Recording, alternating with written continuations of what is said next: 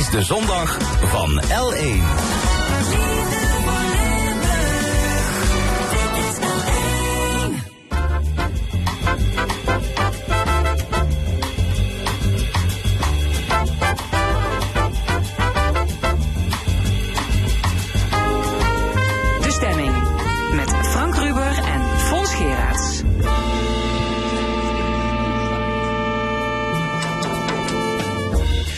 Welkom bij De Stemming, het interview- en discussieprogramma van L1 Radio. Over 2,5 week zijn de provinciale statenverkiezingen. Wat staat er op het spel? Vandaag het eerste van een serie lijsttrekkersdebatten met de lijstaanvoerders van PVV, GroenLinks en D66. Verder onze analist Bart Verspagen. Hij zocht uit wat de diverse partijen van plan zijn met de Limburgse economie. In het tweede uur een ronde tafelgesprek over activisme. Hoe ver kun je gaan als actievoerder en hoe zinvol is protesteren? Ook een column dan van Rezi Kouwmans en flitsen van de voetbalwedstrijd Fortuna Feyenoord. En we sluiten af met ons discussiepanel. Tot 1 uur is dit De Stemming. Over 2,5 week, om precies te zijn op 15 maart, zijn er verkiezingen voor provinciale staten. U kunt een keuze maken uit maar liefst 20 politieke partijen. En die gaan strijden om 47 zetels. Wat staat er op het spel? Hoe denken de partijen over stikstof, klimaat, natuur, over het openbaar vervoer en cultuur? En wie gaat straks samenwerken met wie? In de stemming vandaag het eerste lijsttrekkersdebat. Aan tafel Malou Jenneskens van D66, Thea Jette van GroenLinks en René Klaassen van de PVV. Goedemorgen alle drie. Goedemorgen. Malou Jenneskens, hoe bevalt het eh, campagne voeren? Ja, het is wel al begonnen. Het is altijd zo grappig, want ik denk dat de meeste mensen echt nog niet bezig zijn met campagne en verkiezingen en wat dan ook. En voor ons is dit echt al een maand de realiteit. Dan ben je heel druk met je posters en je flyers en je acties en overal op tijd zijn. Ja. Ehm, ja dus, Maar u wordt nog niet met fakkels ontvangen op straat? Eh, nee, dat niet. Maar ik moet wel eerlijk zeggen dat als ik het vergelijk met de vorige campagne, dat de reacties soms wel forser en pittiger zijn geworden dan toen. U krijgt de nodige shit over u heen. Ja, ja. Ja? Ja, nou ja, als je iets deelt op Twitter of wat dan ook, dan variëren die verwijten en de verwensingen wel echt. Eh, ja, van, van vrij persoonlijk en naar tot eh, ga koken wijf, eh, tot, tot echt wel dingen die je ook maar even moet rapporteren en dat soort dingen. Ja. En uw politiek leider, Sigrid Kaag, die is altijd de kop van Jut. Wat, wat vindt u daarvan? Ja, ik vind dat je, kijk, je kunt het benoemen als een probleem van Sigrid Kaag, maar op het moment dat we het normaal gaan vinden dat mensen bedreigd worden, met fakkels worden ontvangen, dan raakt dat niet alleen Kaag of D66, dan ondermijnt dat de hele democratie. En dat is wel iets waar ik mezelf ook zorgen om maak. Als je ziet welke reacties wij nu al allemaal krijgen, dan vraagt mijn moeder me wel eens, meisje, waarom doe je dat eigenlijk? En soms heb ik daar niet het beste antwoord op. Ja, Jette, waarom doet u dat eigenlijk? Ja, dat is een hele goede vraag. Waarom doe je dat? Omdat je toch bepaalde idealen hebt. eh, dat je een, een beeld hebt van hoe de maatschappij eruit moet zien. En, en da- da- daar wil je voor aan de lat staan. Je wil aan die knoppen draaien. Dus dat is een hele belangrijke reden waarom je dit doet. Heeft het eh, PVV-campagneteam nog iets in petto over de komende 2,5 week? Op campagnegebied? Ehm, op, campagne, op campagnegebied ehm, is eh, Geert Wilders al volop bezig om allerlei eh, steden en dorpen te bezoeken. En zo zal die ook eh, zaterdag... Die is toch lid van de Tweede Kamer? Ja, die is lid van de Tweede Kamer. Dat heeft u goed in de gaten. Die komt zaterdag naar Valkenburg, Landgraaf en Weert. En die ondersteunt ons bij de campagne die, eh, die wij Ja. voeren. Maar, soms zijn- hoef je maar wij- helemaal niks te doen hè, om een goede Ja. uitslag te maken. Zo is het. Hij kijkt naar Forum voor Democratie, vier jaar geleden, totaal onbekende lijsttrekker, geen verkiezingsprogramma. En je wordt de op één na grootste partij. Thea Jette, Ja, wat doet u dat allemaal voor? wat doe ik het allemaal voor? Ja, ik, ik zei het net al, je doet het echt. Wij willen een Nee, maar ik heb het over het ja. campagne. Over campagne, bedoel, waar doe je die wat- campagne? Ja, elke stem telt. Dus je democratisch recht. Dus ik, ik roep iedereen ook op om te gaan stemmen. Van, want anders eh, vind ik ook dat je geen recht van spreken he- hebt. En waar doe je het voor? Ja, wat ik zeg, voor die mooiere inrichting, dan voor een groener en eerlijker Limburg. Maar ik gooi een stelling op tafel. Je kunt campagne voeren tot je een ons weegt. De uitslag wordt bepaald door Politiek Den Haag. Malou Jenneskens, D66. Het is voor een deel waar en voor een deel ook niet. En voor dat Mhm. deel loop je uiteindelijk. En ik denk ook nog wel, wat wij bijvoorbeeld zagen was dat het hielp dat onze lokale kandidaten zichtbaar waren. Want die provincie staat best wel ver weg. Maar als daar op het bord staat Malouk komt uit Maastricht of eh, Malouk komt uit Meerlo, daar ben ik opgegroeid. Dan voel je toch wat meer nog die, eh, hoe zou ik het zeggen, die binding. Dus ik denk dat persoonlijke campagne om gewoon mensen überhaupt te overtuigen van het nut en waar die provincie over gaat, dat heeft wel degelijk zin. Bijvoorbeeld ook voor een jongere generatie Limburgers, voor wie het überhaupt nogal ver van hun bed Ja, is. René Klaassen, u doet er zelf niet veel aan, hè? Jawel, ik doe er zelf wel heel veel aan. Want dat zagen we vier jaar geleden ook. Dat, want dat sluit ik wel aan wat bij eh, Malou zegt. ehm, dat als het een, een, een herkenbare kandidaat uit, de eigen, uit eigen dorp is of uit eigen stad is, dat dat wel eh bindt. En dat zagen we vorig jaar. Ik stond toen op, op plaats 4, bijna 2000 stemmen eh, eh, gekregen. Vooral uit, uit de regio Parkstad. Dus die, die, die herkenbaarheid moet er wel zijn. Dus je moet je ook laten zien. En dat doen we dus eh, ook. Thea Jette GroenLinks, wat zijn voor Limburg de komende vier jaar de belangrijke zaken? Ja, de belangrijke zaak is volgens mij vertrouwen. Vertrouwen in de politiek. Het, het vertrouwen tussen burger en politiek. Dat moet weer terugkomen. Dat is, dat is echt de aller, aller, allerbelangrijkste wat GroenLinks betreft. En verder, eh, ja, kerntaken van de provincie die we heel goed moeten uitvoeren. Natuur, stikstof, klimaat. Het zijn hele belangrijke thema's. Nog iemand iets aan toe te voegen? Nou ja, zeker dat ehm, eh, wat voor ons, voor onze partij van, van belang is, is inderdaad eh, is ook veiligheid. Eh, eh, ehm, veiligheid, ondermijning, wonen. Maar daar gaat de provincie toch niet over? Jawel, daar gaat de provincie wel over. Want veiligheid, ondermijning is momenteel nog steeds een onderdeel van, van de provinciale taak. De RUD, dat soort zaken allemaal. Ondermijning, daar kan eh, het bestuur, het, het Limburgs bestuur, heeft daar zeker een, eh, een rol in. En in, in wonen ook als het gaat over straks eh, de eh, omgevingswet en de, en de omgevingsverordening die voor ligt. Malou Jenneskens, u zei laatst in Elsevier dat drie kwart van de besluiten in provinciale staten met algemene stemmen worden aangenomen. Dat is niet bepaald motiverend om te gaan stemmen. Nou, ik Zo zou. het is toch een beetje één pot nat. Nee, dat is niet waar. Ik denk er zijn, er zijn heel veel dingen die gewoon goed worden voorbereid. En waarover iedereen het op zich wel eens is, omdat heel duidelijk is dat ze heel goed zijn voor Limburg. Er zijn een heleboel andere die zijn controversiëler. Bijvoorbeeld een vliegveld, bijvoorbeeld hoe we omgaan met natuur en stikstof. Eh, hoe we ervoor gaan zorgen dat er voldoende woningen worden gebouwd. Noem ze maar allemaal op. Over die dingen, dat zijn wel vaak de grote en de wezenlijke waar ook heel veel geld naartoe gaat. En wat burgers ook echt rechtstreeks raakt, daar gaat het wel degelijk om. Thea Jette, is er meer linksbeleid nodig? En, waar- en, waar- en waarom? Is de paus er katholiek? meer- absoluut is er meer linksbeleid nodig. En waarom? Nederland, of, of Limburg, de Limburgers zijn significant ongezonder. Er is heel hoog laaggeletterdheid. Er is armoede. Eh, er- daar moet je linksbeleid eh op voeren. En daarom willen wij ook die sociale agenda vergroten. Ja, Ja, vinden we heel dat- belangrijk. maar dat is- Klaassen, dat- PVV? Ja, dat is wel goed om te horen. Kijk, er wordt dan gezegd, is dat linksbeleid, maar dat is wel het beleid waar de PVV ook voor staat.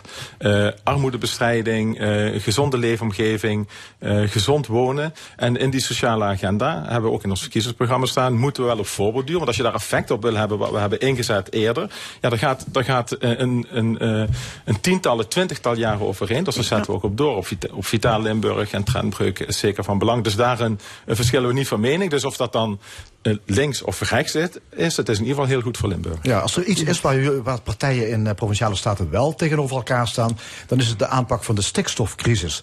Eh, voor D66 is dat een thema waar de partij zich heel erg mee profileert. Dus dat wordt een streng stikstofbeleid als het aan D66 ligt. Nou, eh, we hadden laatst een stikstofdebat en toen ging ik me voorbereiden. En toen kwam ik een artikel tegen uit het Limburgs Dagblad van 1988. Dat is drie jaar voordat ik geboren werd. En daarin stond al, we zien een mestprobleem aankomen. En dit is niet meer houdbaar in het systeem. En het gaat druk op de natuur. En uiteindelijk valt eigenlijk alles in elkaar. Nou ja, kijk, we zijn inmiddels 34 jaar verder. We hebben te weinig gedaan. En we hebben dat probleem echt al heel lang aanzien komen. En we hebben telkens gezegd, we zoeken weer een geitenpaadje vanuit de hoe.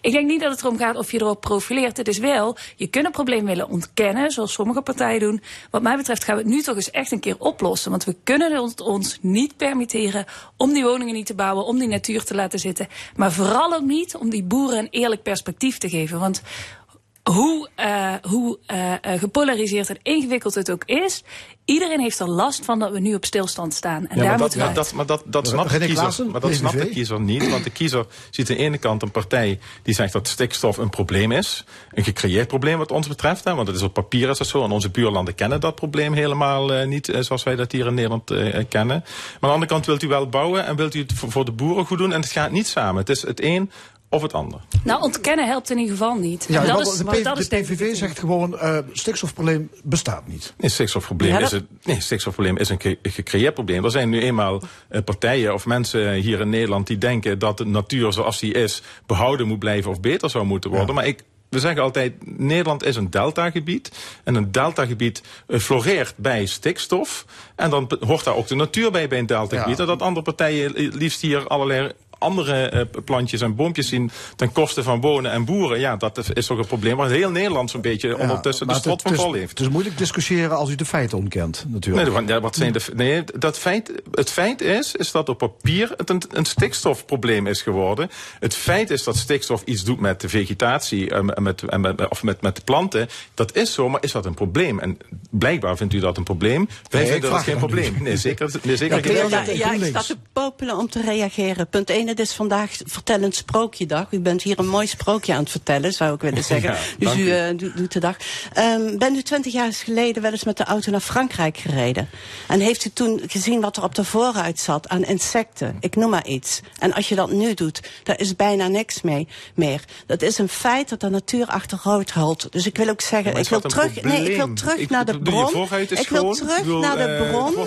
ik wil op. terug naar de bron. Waarom doen we dat? Waarom pakken we het stikstofprobleem aan. Nee, u moet me even uit laten praten. Nee, natuur is een randvoorwaarde voor ons bestaan. En u legt dit probleem dadelijk neer bij de volgende generatie. U zegt, u maakt het probleem door nu niks te doen, maakt u het nog groter, nog erger en laat u de Limburgers in de steek. Nou ja, Meneer Klaassen, maar nog, u steekt de kop in het zand, uh, hoor ik u zeggen. Ja, dat zal dan duinzand zijn, denk ik. Hè, want dat is voor stikstof een, vast, heel, ja, heel, erg, uh, heel erg goed zijn. Nee, maar het, het is natuurlijk de natuur verandert. En dat, dat is zo. En, maar of stikstof dan die natuur zo verandert dat we een onleefbare wereld hebben, dat is het angstscenario, het doemscenario, wat dan wel links vooral over heel veel jongeren uitstort. En de heel veel jongeren denken dat de wereld aan het vergaan is. Maar ik zal u eh, toch uit uw droom moeten helpen. Dat zal niet zo zijn. Over twintig jaar rijden we naar Frankrijk en hebben we nog steeds een hele mooie natuur. U, u Moet, moeten we sprookjes. Ja, moeten boeren uiteindelijk gedwongen worden om een bedrijf te verkopen als ze niet vrijwillig willen stoppen? Dat is het allerlaatste middel. dat is het allerlaatste middel in je gereedschapskist. Maar heel even, uh, collega Jette noemt het een, een sprookje. Uh, uh, je kunt de feiten wel betwisten, maar daar veranderen ze niet door. En Limburg staat nu stil, omdat de rechter ons op de vingers heeft getikt en alles heeft stilgelegd. En dan kan je wel zeggen, ik geloof er niet in, of noem het maar allemaal op. Maar het is wetenschappelijk onderbouwd. Het is niet zomaar een mening en die feiten kun je betwisten. Daar help je Limburg niet mee. Nee, maar u vergeet daarbij te benoemen dat dat wetenschappelijk onderbouwd is, dat stikstofverbindingen overigens, uh, maar dat het daarover gaat. Ja. Maar, maar op papier hebben we, is dat probleem in België, in Duitsland, Frankrijk en Ja, andere landen ik niet. wil nog één ding zeggen. We Thea hebben, een wet, we, hebben een wet. Deze wet is aangenomen in de Tweede Kamer. 100 stemmen voor. Wij leven in een democratie. U zegt eigenlijk, Oh, ik heb eh, scheid aan de wet. Nee, nee, Dat we leven in ik een democratie, zeggen. maar dat is wel apart, hè? Want eh, omdat we in een democratie leven, komen we terecht in een situatie waar de D van D66 staat voor dwang, bijvoorbeeld. Hè? Ehm, willen we geen asielzoekers, dan dwingen we de gemeentes. Willen we geen stikstof, dan dwingen we eh, de regels af. Ehm, ehm, ehm, eh, eh, voorrang op, op huizen, ehm, nee, dan dwingen we het af.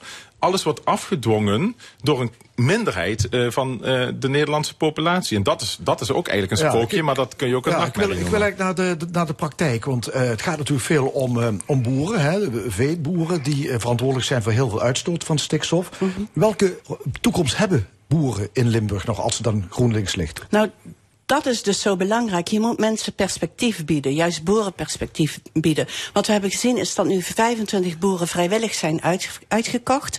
150 staan op de lijst om te kijken, kom ik ook voor die regeling in aanmerking. Dus we staan echt enorm te wachten op het Rijk dat zij met maatregelen komen en met financiën komen van wat hebben die boeren te bieden. Daarnaast kun je boeren bieden van een, een, een transitie naar een andere manier van, van boeren. Dus dat is heel belangrijk. Dus perspectief bieden, toekomst bieden, dat, dat zijn essentiële dingen in dit verhaal. En eerlijk zijn. maar Misschien hebben die boeren wel heel veel baat bij een goede oproepregeling, René Klaassen. Nou, weet, weet, PVV. weet, u wat het, weet u wat het is? Ten eerste, als boeren eh, zich laten uitkopen, gaat het eh, eh, geld linierechter naar de bank. Dus het enige wat gebeurt is dat de banken gefinancierd worden en niet de boeren.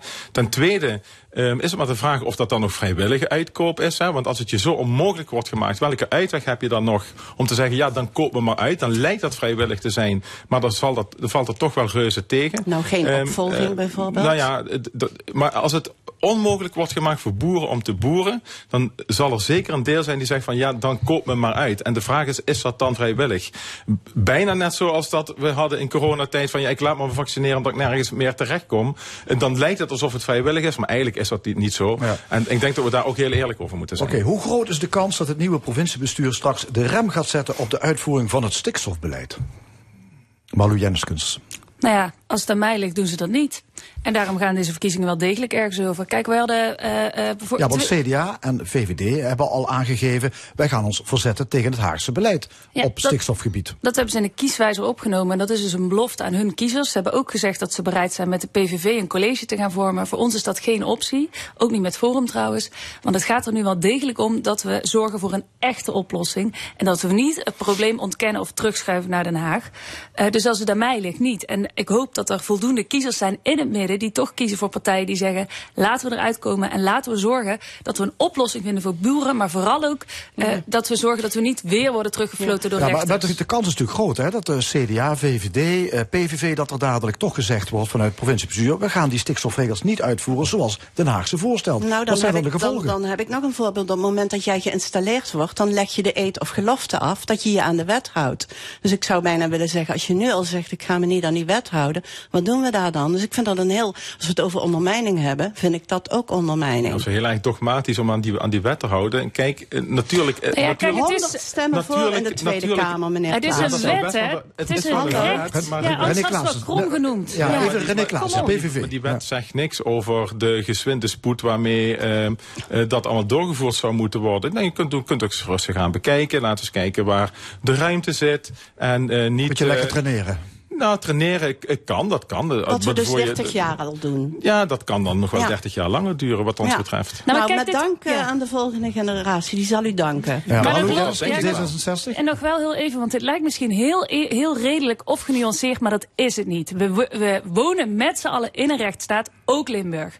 En als we allemaal zo omgaan met wetten en met regels, dan ondermijnt dat echt onze democratie. En dan ondermijnt dat ook de vrijheid van Ja, maar iedereen. dat is wel grappig, want u nee, heeft het over democratie. Nee, maar, nee, maar, maar woorden ben over voor democratie. handhaving. Ja, En u- en u- maar grote woorden over democratie. Even Thea regel. Jatte Ja. even dan. Ja, u zegt net, ik ben voor handhaving, ik ben voor orde. En vervolgens zegt u, ik ga mezelf niet aan de wet houden. En dat verwacht u dan wel van burgers en van anderen. Het is niet dat we niet Dat aan de is wet toch- gaan houden. Ik zeg je dat kunt de zegt u wet. Nee, de wet biedt de ruimte om daar op een, op een misschien wat andere manier naar te kijken hoe je er invulling aan zou Ja, kunnen het geven. gevo- gevolg is wel dat we dus eh, dan een probleem hebben met woningbouw, be- be- bedrijfsuitbreidingen, noem maar op, eh, met, met eh, vergunningverlening. Want dat zal de rechter dus telkens weer eh, ja, dat weet niet of dat zo is. Dat is nu wel het geval. Ja, nu is dat het geval. Maar kijk, ehm, de, de, de vraag die u stelt van als eh, in dit geval de PVV eh, onderdeel uit zou maken van het college, en dan moeten de stemmers allemaal nog maar eh, beslissen, 15 maart, ik hoop natuurlijk van wel, dan kun je de manier volgen waarop met name GroenLinks of D66 het er doorheen willen jagen en het willen afdwingen. Je kunt ook veel meer zoeken naar de, de nuance en de consensus. Daarmee voer je toch uiteindelijk wellicht de wet uit. Of we proberen via de, de Tweede Eerste Kamer straks toch eh, een ander, ander kader, een andere wetgeving te krijgen. En die Europese wet, dat zal me worst- eh, in die zin. eh, daar kun je als land ook jezelf ook tegen verzetten. Er zijn genoeg voorbeelden in Europa van mensen en landen die dat doen. u heel kort- Ja, u vindt dat flauwekul, dat snap ik wel, want dat past niet Nee, in die nee. bubbel. De vraag van deze verkiezingen is: houden we ons aan de wet? Kijken we naar de toekomst? Of zetten we onszelf op stilstand? Of eigenlijk, als het aan de PVV ligt, op achteruitgang? Wetten zijn niet zomaar meningen en de wetenschap Nee, ik begrijp wat De bedoeling is dat je je daaraan houdt. We discussiëren zo meteen verder. Oh, Eerst een muzikaal intermezzo van Prince, Alphabet Street.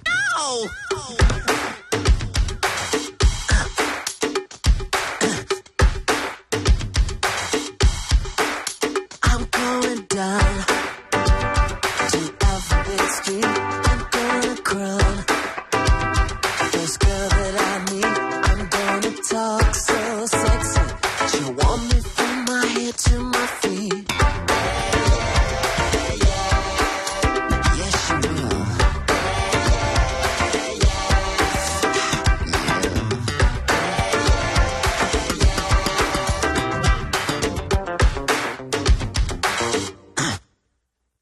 Wanna drive.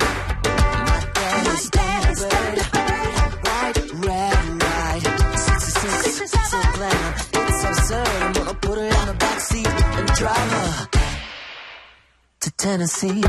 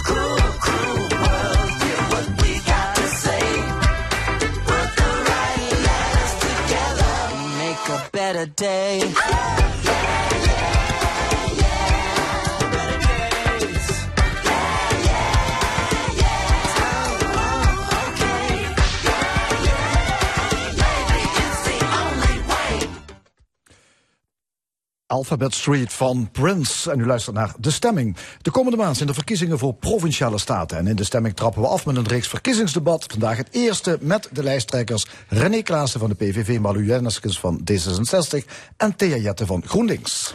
Het Limburgse verkiezingsprogramma van D66 begint met de verzuchting... we zien veel problemen op ons afkomen, maar er is onvoldoende gebeurd. Eh Marlu Jenneskens, wie of wat verwijt u dat?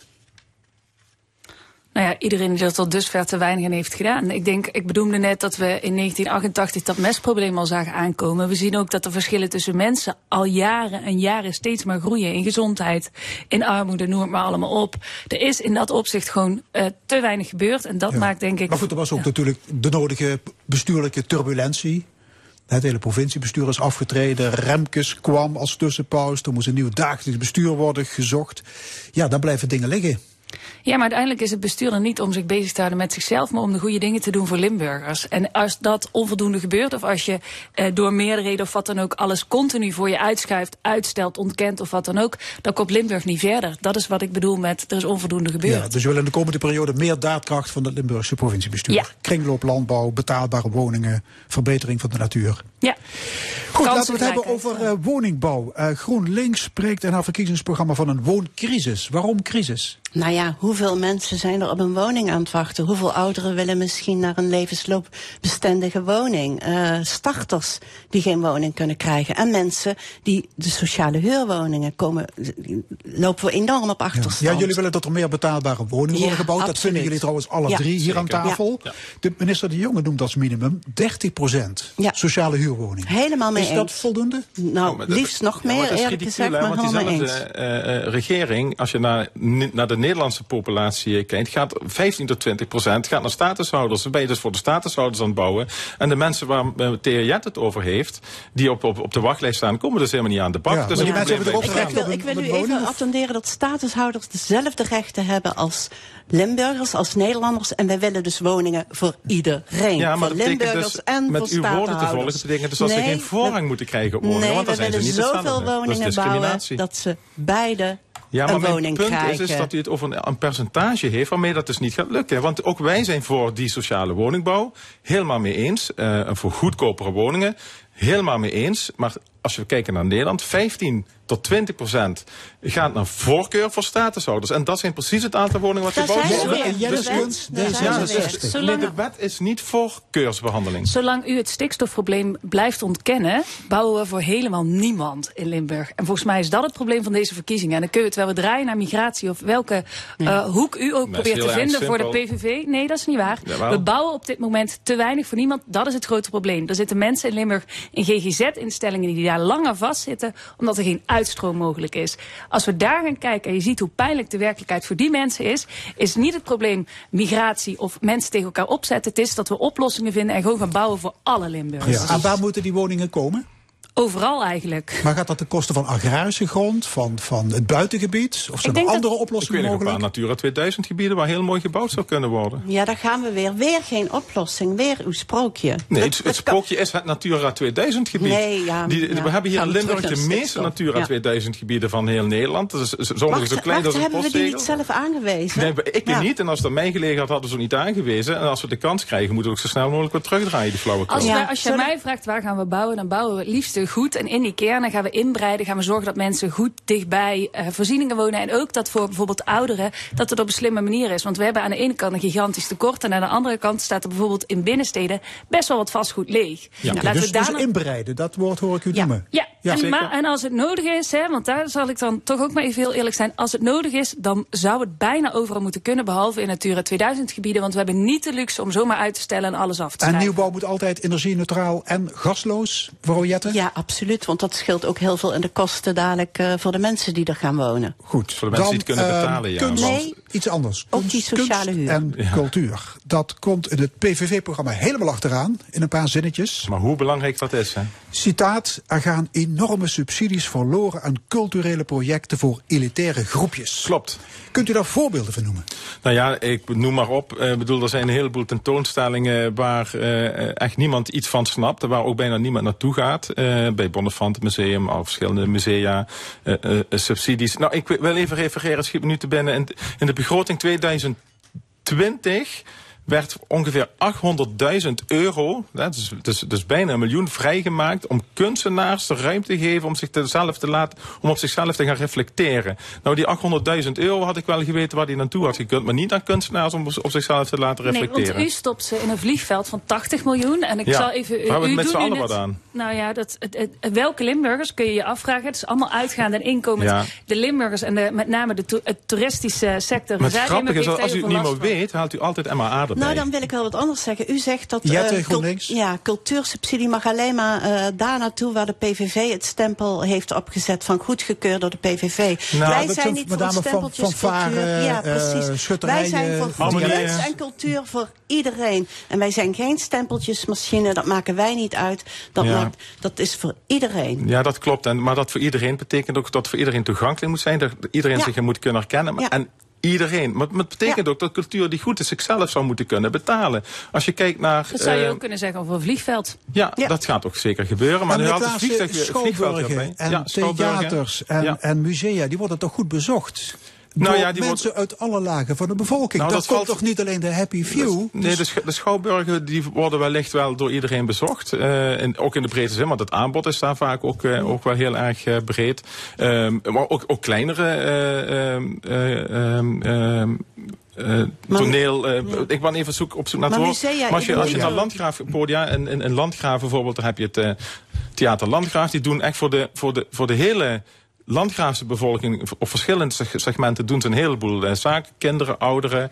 En nou, dat, dat, dat is, dat is eh, eh, prima. Maar er gaan ook, ik noem dat eh gekscherend de Finse haiku's. Eh, dat is zo'n nichegebied eh waar dan geld naartoe gaat. Je Ja, maar- vraagt, ja, wat, wat hebben we daar met elkaar in Limburg nu U bepaalt dus, u, u zegt met een stempel en alleen als, als, als grote massa. Maar ook, ook musea, als je ziet dat die, die gaan naar bejaardenhuizen met een tafel. Ja, nee, Limburgs Museum doet dat. Dat is prachtig. Zeker. dingen. Ja. Eh, en het is niet aan ons om te bepalen van dit Jawel, dat wel, doet hij dat toch ook? niet. Want u benoemt nu het Limburgs Museum die met tafels en Ja, ouders vind Dat ik is wel, geweldig. Ik vind dat Ja. een Vindt u- toonbeeld van hoe het zou moeten Cultuur overigens. wel een kerntaak voor de provincie. Ja, cultuur is een kerntaak van de provincie. Maar volgens mij in het verkiezingsprogramma ook geschreven... dat de mate waarin daar invullingen wordt gegeven... dat mag best wel wat soberder. Jennis Kunst, D66, wat vindt u?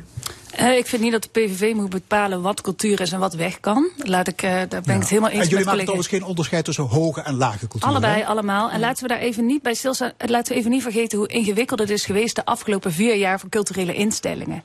Daarom hebben we extra geld vrijgemaakt, want ze mochten geen bezoekers verwelkomen. Dat was de reden voor die acht ton. En ik Nee, vind, nee, nee, dat is wel waar. En dan nog even een andere. Hoe je er ook over denkt, links of rechts. Kijk, voor mij hartje cultuur, graag zoveel mogelijk. Maar hoe je er ook over denkt, als je kijkt naar ons ons vestigingsklimaat, dan is bijvoorbeeld de aantrekkelijkheid van onze regio heel sterk verbonden aan ons sterke culturele netwerk. Aan het feit dat we een rijk cultureel klimaat hebben. En ook los van of je nou economisch, ecologisch of wat dan ook eh, bekijkt, het zorgt er ook voor dat de talenten van kinderen en jongeren in Limburg worden ontwikkeld, omdat ze cultuur nabij hebben. Daar heb ik de afgelopen vier jaar keihard aan gewerkt. Wat u betreft kan het weg, wat mij betreft houden we het. wij, wij zeggen niet dat het weg kan, maar dat, u geeft wel een heleboel variabelen aan waar je rekening mee moet, mee moet houden voordat je daar subsidie aan geeft. En dat gebeurt nu niet eh, in alle, alle gevallen. Maar die Wij- variabele is niet de mening van de PVV of het goed is of slecht. Ja, Nee, maar die- dat die gaat niet over het goed, we hoor. We, gaan van cultuur Ja, even kijken naar eh, de, de verkiezingsstrijd tot nu toe. De aftrap die werd gegeven door de VVD, denk ik wel. Hè. Partijleider Rutte en lijsttrekker Edith Schippers. Die zetten de aanval in op de linkse wolk. Ehm, is het inderdaad een, een rech- links-rechts eh, campagne? Gaat het dat worden de komende weken? Dat gaat het absoluut worden. En het feit dat ze de aanval daarop eh eh, openden, dat betekent dat ze zich bedreigd voelen. Dus ik zou zeggen, heel goed, want het is tijd voor een linkse wolk. Ja. Gaan, gaan jullie trouwens een gezamenlijke fractie vormen als PvdA en GroenLinks in de komende statenperiode? Dat, eh, dat weten we niet. Dat gaan we verkennen. We gaan kijken of we een gezamenlijke fractieoverleg kunnen voeren. En kijken of we eventueel woordvoerderschap op bepaalde onderwerpen. Maar het is een In, verkenning. in Het Zeeland gebeurt dat wel, hè? Die In komen na de verkiezingen terug als Ja. één fractie. klopt. Waar- waar- Ja. Waarom zo afwachtend nog? in Waarom zo afwachtend? Ja.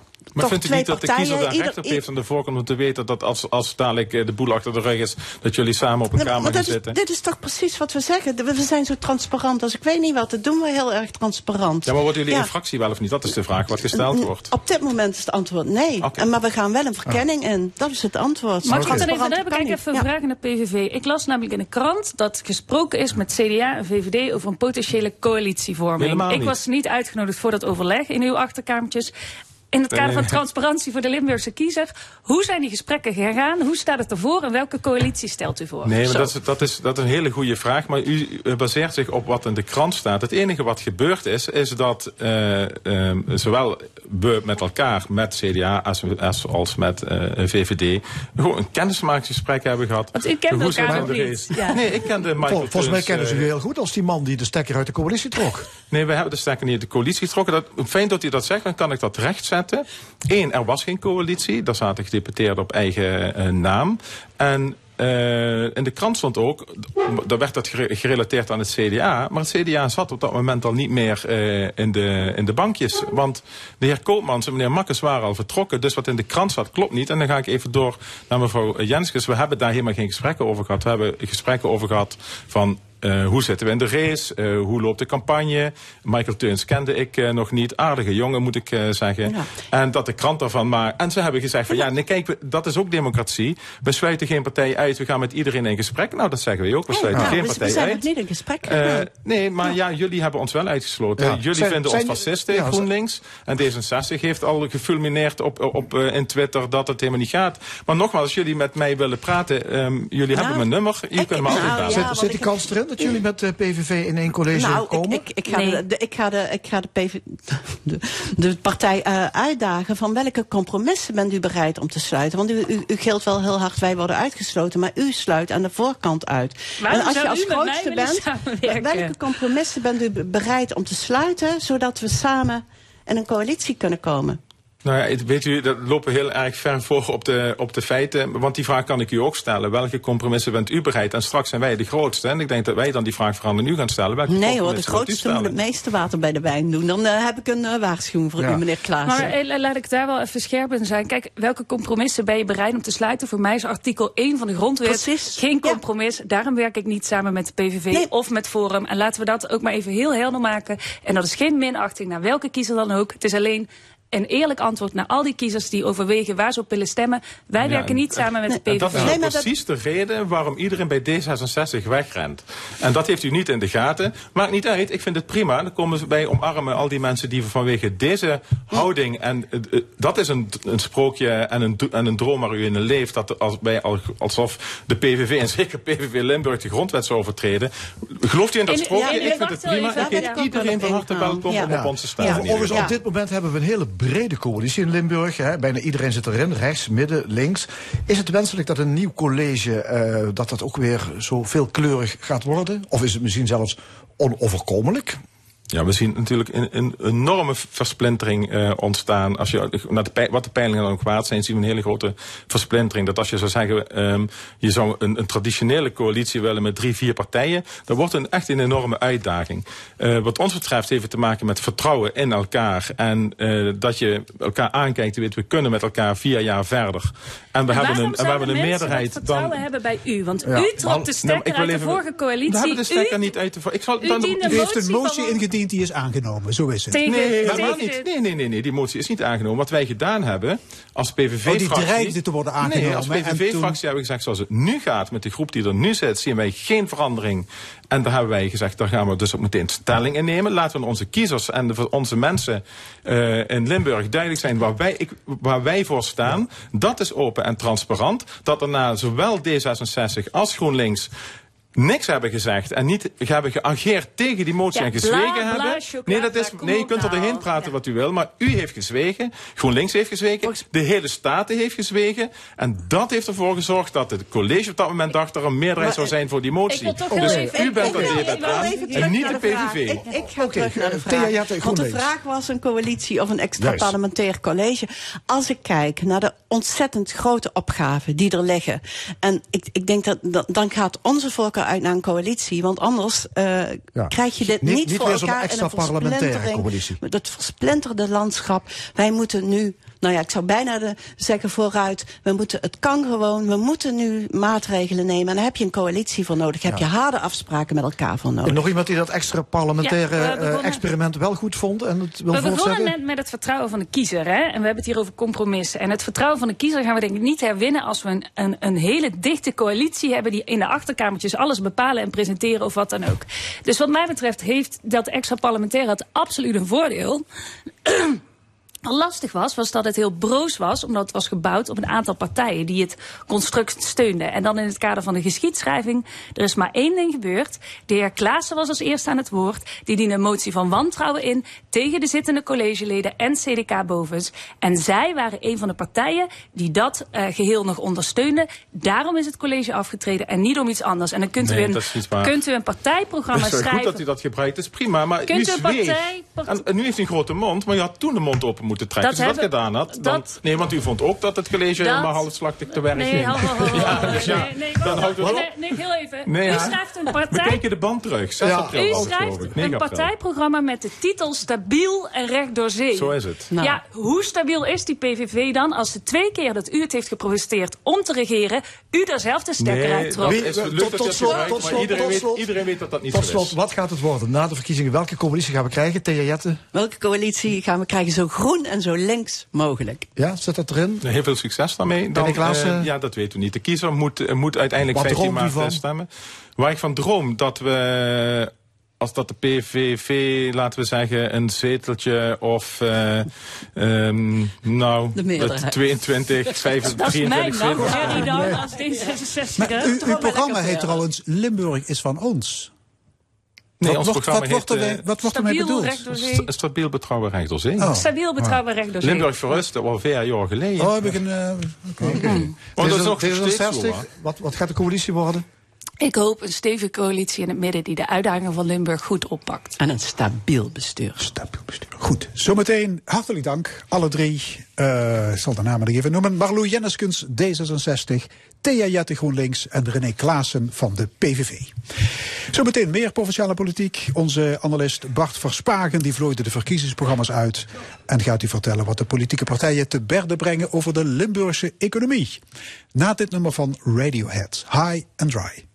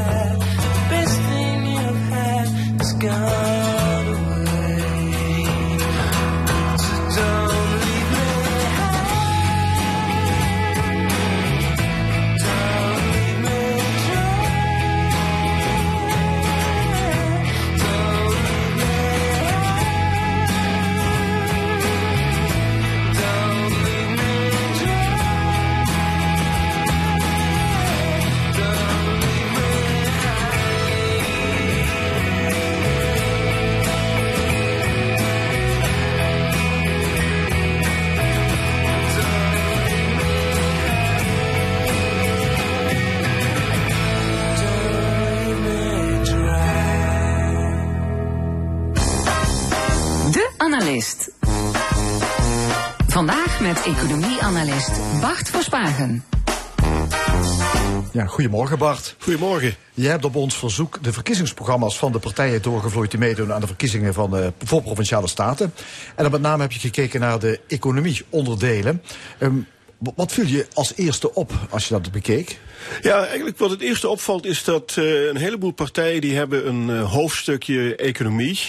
Eh, maar een heleboel partijen hebben dat ook niet. Eh, en dat is eigenlijk wel vrij opvallend, omdat dat meteen al aangeeft hoe die partijen denken over economie.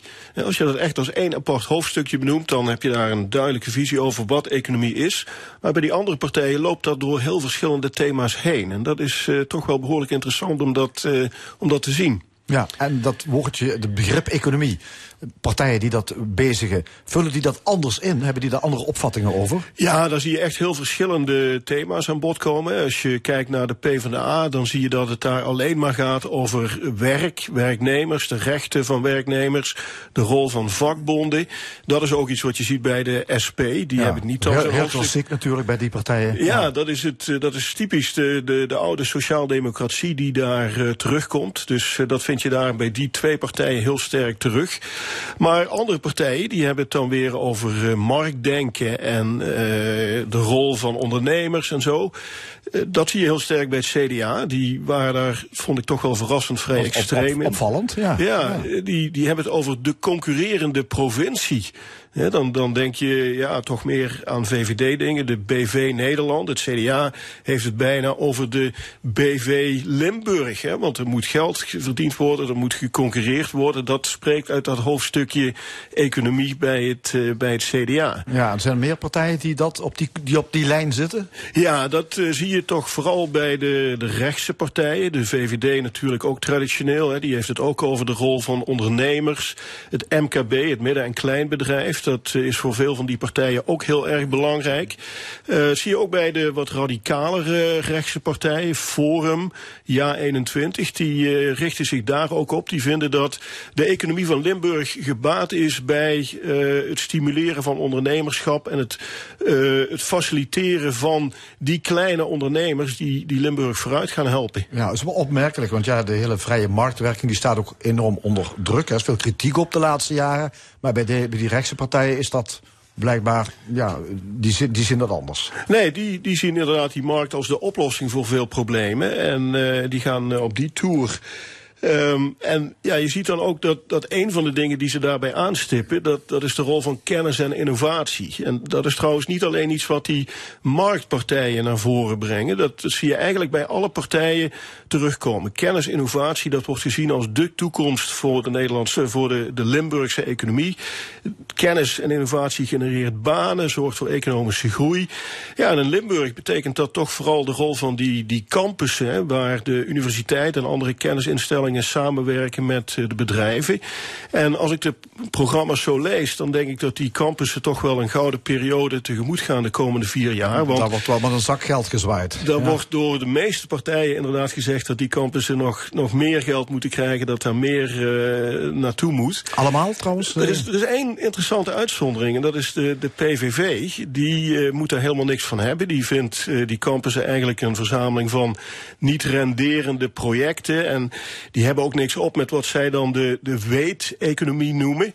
We hebben hiervoor gehoord waardoor dat komt. alles wat met kennis te maken heeft, dat is niet bepaald wat de PVV nou voorop heeft staan. Want ze negeren die kennis. Eh, maar dat is dus de grote uitzondering op dat gebied. Economische groei is voor de meeste partijen dus ook een vanzelfsprekendheid. Terwijl je de afgelopen jaren veel nieuwe geluiden hoort. Hè. Mensen die vinden dat groei vooral schade oplevert voor klimaat, voor natuur. Dus dat het misschien helemaal anders moet met eh, onze omgang met economie. Is dat ergens ook te ontdekken in verkiezingsprogramma's? Ja, er zijn eigenlijk eh, maar twee partijen die dat echt heel erg eh, sterk in hun programma verwerkt hebben. En ook dat verbaast natuurlijk weer niet zozeer. Dat is eh, GroenLinks. En dat is de Partij voor de Dieren. Dat zijn toch bij uitstek de partijen die het hebben over een eh, radicale transitie. De economie moet anders georganiseerd worden. Circulaire economie. Eh, dat zijn zaken die daar aan de orde komen. D66 zie je het ook wel een beetje. Eh, bij de andere partijen is dat veel minder. En ik denk dus dat het eh, ja, best wel moeilijk zal worden om voor sommige partijen om het daar met elkaar eens te worden. Als je de PvdA vergelijkt met, eh, met GroenLinks, ja, GroenLinks die wil echt toe naar een hele andere economie. De PvdA, daar proef je toch meer iets. We willen terug naar de oude economie van eh, werknemers ten- tegenover de werkgevers. Dus Dat, belooft nog wat als ze zouden gaan willen fuseren. Ja, als, als je het vanuit dat standpunt bekijkt, dan vind ik dat zo'n fusie niet echt voor de hand ligt. Hè. Maar dat is dan even puur op basis van de programma's en wat ze daarin, eh, wat ze daarin opschrijven. Ja, we hoorden ook zojuist dat ze nog niet over eens zijn of ze echt een gezamenlijke fractie gaan vormen. Dus nou ja, dit zal nog wel zo'n eh, discussiepunt gaan worden. Dus. Ik denk het wel. Ik denk dat die, die systeemtransitie die GroenLinks heel sterk wil. En ja, waar de PvdA toch, toch veel minder aandacht aan besteedt, dat zal daar een heet hangijzer zijn. Ja. Je kunt natuurlijk in die verkiezingsprogramma's kijken naar eh, wat er onder het kopje economie staat. Maar dat gaf jij ook al aan. Economisch denken zit natuurlijk verweven in de hele filosofie, de, de, de politieke opvatting van een partij. Dat, dat staat ook op andere punten waar je het misschien niet direct eh, zou verwachten. Eh, lijkt mij. Ja, eigenlijk. En ja, ik ben natuurlijk econoom, dus ik, ik heb daar wel een bepaalde visie over. Maar ik denk dat economie van belang is bij bijna alle grote onderwerpen in de politiek. Hè. Kijk maar naar waar de debatten plaatsvinden. Het vliegveld open of niet? Dat is een economische vraag voor, eh, in- de eerste plaats. Stikstof, ook dat. Eh, stikstof en natuur is eigenlijk een, een economische vraag. Want hoe ga je om met die schaarse middelen die de natuur jou biedt? Hè? Wil je daar, eh, wil je die behouden of wil je die opofferen? Dat, dat zijn allemaal economische vraagstukken. En ja, die vraagstukken, daar zie je toch eigenlijk eh, dat partijen ook eigenlijk recht tegenover elkaar staan en, en ook blijven staan. Want op al die thema's zie je dat alles wat we in de afgelopen vier jaar, of zelfs nog langer gezien hebben, dat dat ook weer terug te vinden is in de, in de verkiezingsprogramma's. Het vliegveld openhouden of het vliegveld dicht houden is allemaal voorspelbaar. Wat we de afgelopen vier jaar gezien hebben. De partijen die voor het openhouden waren, die zijn dat nu ook weer. En de partijen die er tegen waren, die zijn dat nu ook weer. Ja, is er dan een traditionele links-rechts tegenstelling te ontdekken of ligt het toch anders? Ja, dat, dat zie je op die thema's eigenlijk wel. Hè. Dus uh, die, die, wat ik dan de eendimensionale thema's zou willen noemen, vliegveld open of dicht, wel of geen kernenergie, daar zie je die tegenstelling tussen links en rechts heel sterk. En ja, ik vind uh, dat als je de programma's wat beter bestudeert, dat dat reuze meevalt. Want dan ontdek je dat er binnen dat linkse kamp of binnen dat rechtse kamp toch ook wel weer allerlei verschillen zijn. Uh, en dat er wel iets te kiezen valt. en ja, dat, dat vind ik ook jammer aan dat soort dingen als stemwijzer of kieskompas. Hè, want daar gaat het toch vooral weer over links en rechts. Hè. Wordt in dat kieskompas, waar ook L1 aan bijdraagt, wordt weliswaar geprobeerd om naast links en rechts ook een onderscheid te maken tussen progressief en conservatief. Maar uh, als je het dan goed bekijkt, dan is alles wat links is, dat is dan toch weer progressief. En alles wat rechts is, is dan toch weer conservatief. Dus ook daar blijft het dan toch behoorlijk eendimensionaal. Ja, en waar, waar, kun je, waar kun je de verschillen ontdekken? Waar zie je bijvoorbeeld dat bijvoorbeeld een misschien linkse partij helemaal niet zo progressief is. En andersom een rechtse partij misschien meer progressief op welke terreinen? Ja, of ik die termen zou gebruiken, weet ik niet. Maar uh, waar je de verschillen wel ziet, is aan de linkerkant bijvoorbeeld wat we net uh, gezegd hebben. Er zijn linkse partijen die gaan heel erg terug naar de oude sociaal-democratische gedachte van de vakbonden tegen de werkgevers, de vakbonden tegen het grootkapitaal. Maar er zijn ook linkse partijen die hebben het over die systeemtransitie. Uh, en aan de rechterkant heb je partijen die dat marktdenken heel erg omarmen of juist partijen die daartegen zijn, uh, zoals de PVV, die ja, toch niet vanuit dat marktdenken denkt, maar alles gewoon heel streng wil, wil reguleren. Ja, je hebt uh, al die verkiezingsprogramma's doorgevlooid. Uh, is het een aanrader voor de kiezer? Zeg je van, duik ook eens in die programma's? Ja, aan, aan de ene kant, het zijn er wel heel veel. En ja, twintig, hè? Ja, ja. Het, het, het, is ook niet zo dat het altijd heel mooi proza is. Maar ik vind wel dat het interessant is voor de kiezer om dat toch eens te lezen. Omdat je daarmee toch die nuance en dat, dat eendimensionale, dat haal je er een beetje uit. Hè? Er zitten toch wel wat verrassingen in. Je ontdekt toch dat er wel iets te kiezen valt. Uh, of je nou links denkt of rechts denkt. Er zijn allerlei smaken van. En ik denk als je die verkiezingsprogramma's wat beter zou lezen, dat je daar als kiezer wat van leert. En dat je daar ook van leert na te denken. En dat je daar uh, zelf ook betere inzichten uit ja. kunt halen. Wacht, je zegt er valt iets te kiezen, maar je had het er straks over uh, circulaire economie, over systeemtransitie. Kan het gouvernement daarmee uit de voeten? Kunnen die daar iets mee? Ja, kan dat, kan dat, dat? Is dat, is natuurlijk te een, grote begrippen misschien? Ja, dat is natuurlijk een voorbeeld van een, uh, een proces wat uh, eigenlijk op nationaal of zelfs internationaal gebied uh, gedreven moet worden. Je kunt niet als één provincie, als Limburg, die hele economie gaan hervormen. Je kunt niet naar een circulaire economie toe gaan als Limburg, als de rest van de wereld daar niet in meegaat. En ik denk dat dat misschien een beetje een probleem is. Oké, okay. dankjewel. Bart Verspagen, hoogleraar internationale economie aan de Universiteit Maastricht. Na nieuws en reclame zijn we terug met de stemming. En daar gaan we het hebben over activisme, want dat is nogal hot heden ten dagen. Verdere discussiepanel, een column, flitsen van de wedstrijd Fortuna Feyenoord en nog veel meer. Blijf luisteren, tot zometeen. Van mini-tractoren tot grondverzetmachines, hoogwerkers en verrijkers. Met Bosmans Machines wordt je werk makkelijker. Huur, koop of lease. Supersnel geleverd uit ons ruime assortiment. Niks leveren, snel leveren. Kijk op bosmansmachines.nl. Voor al jouw haarproducten, hairaction.nl. Al 35 jaar voor de kapper en thuis. Vind al jouw favoriete haarverzorging bij hairaction.nl. Vandaag besteld, morgen al in huis. hairaction.nl. Hersenletsel door een beroerte of ongeval verandert in één klap je hele wereld. SGL helpt om je leven weer op te pakken. Bekijk ervaringsverhalen op sgl-zorg.nl. SGL. Wij gaan verder. Hi Hairlover. Bestel je haarproducten gemakkelijk online op hairaction.nl. De zomer komt eraan. Coaching, maagballon, medicatie, bodyshaping. Samen kijken we wat jij nodig hebt om een gezond gewicht te bereiken. Nok Clinics helpt. Wacht niet langer en plan vandaag je gratis intake op nokclinics.nl. Bij Beter Horen geloven we in maatwerk. Daarom passen we onze hooroplossingen helemaal aan naar uw wensen, net zolang totdat u tevreden bent. Maak nu een afspraak op beterhoren.nl. Beter horen, een en al oor. World Obesity Day. Neem je gewicht serieus. Nokclinics.nl Huiseigenaar en is je WOZ-waarde te hoog? Maak gratis bezwaar en bespaar tot honderden euro's. wozmeldpunt.nl Wist je dat je gemiddeld zeven keer per dag de trap op en af loopt? Intensief gebruik vraagt om kwaliteit. Eén keer renoveren en nooit meer. Upstairs, een trap voor het leven. Bent u op zoek naar een aantrekkelijke investering? Kies dan voor een recreatiewoning van Europarks. Met meer dan 65 vakantieparken in Europa kunnen wij u altijd een passend voorstel doen. Maak kennis met de investeringsmogelijkheden. Kijk voor meer informatie op europarksverkoop.nl. Upstairs traprenovatie. Betrek je trap bij je interieur. Ga naar upstairs.com. Schriekmacher Festival. Boordevol spectaculaire internationale dansvoorstellingen. Van onder meer Compagnie Marie Chouinard, Robin Olin en Crystal Pint. Tot en met 2 april in Heerlen, Kerkrade, Aken en Eupen. Check schriekmacherfestival.nl Dit is L1 met het nieuws van 12 uur. Jelle Visser met het NOS-journaal. In het uiterste zuiden van Italië zijn tientallen lichamen van migranten aangespoeld. Volgens Italiaanse media kwamen zeker 40 mensen om het leven, onder wie meerdere kinderen.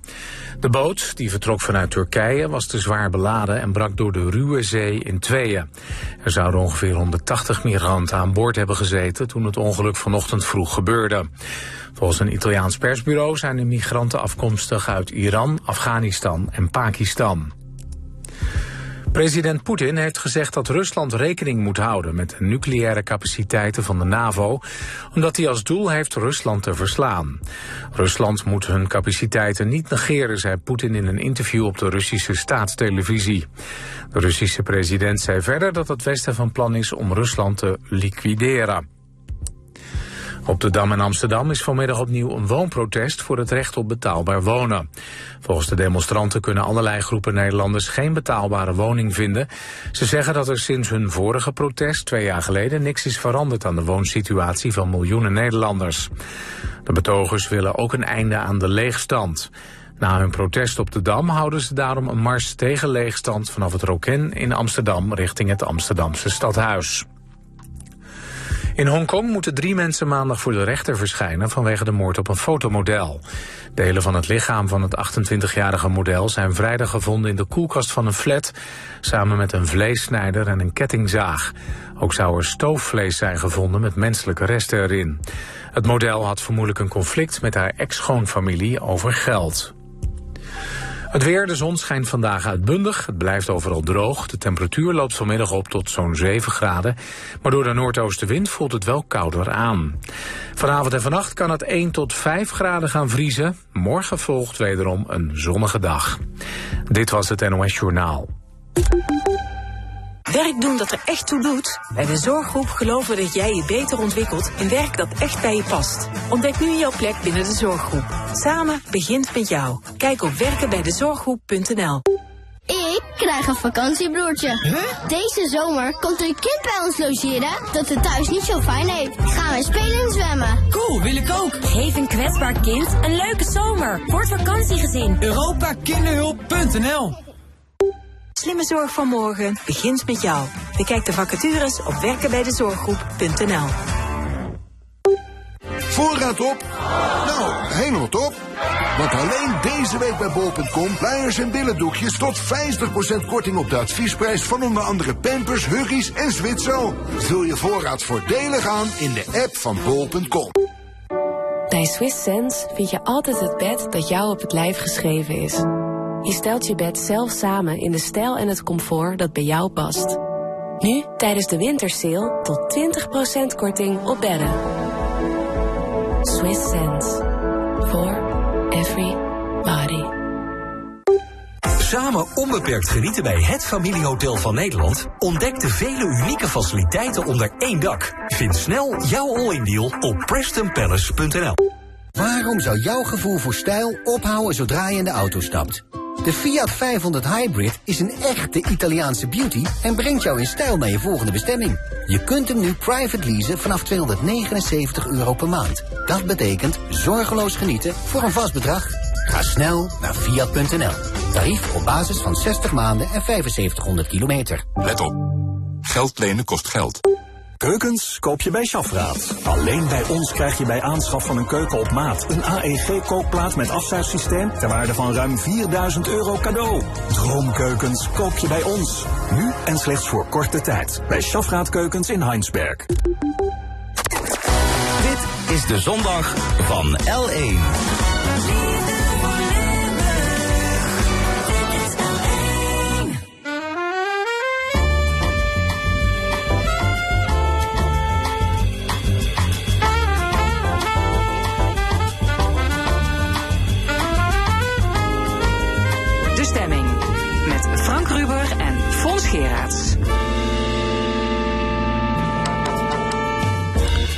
Goedemiddag en opnieuw welkom bij de stemming. Wat allemaal in dit tweede uur. Straks het panel met Jacqueline Westhelle, Luc Wienans en Armo Leenaars. En zij discussiëren over het gasdrama in Groningen, één jaar oorlog in Oekraïne en andere actuele zaken. Een column van Rezi Komans, flitsen van de wedstrijd Fortuna Feyenoord die over 10 minuten begint, maar eerst activisme.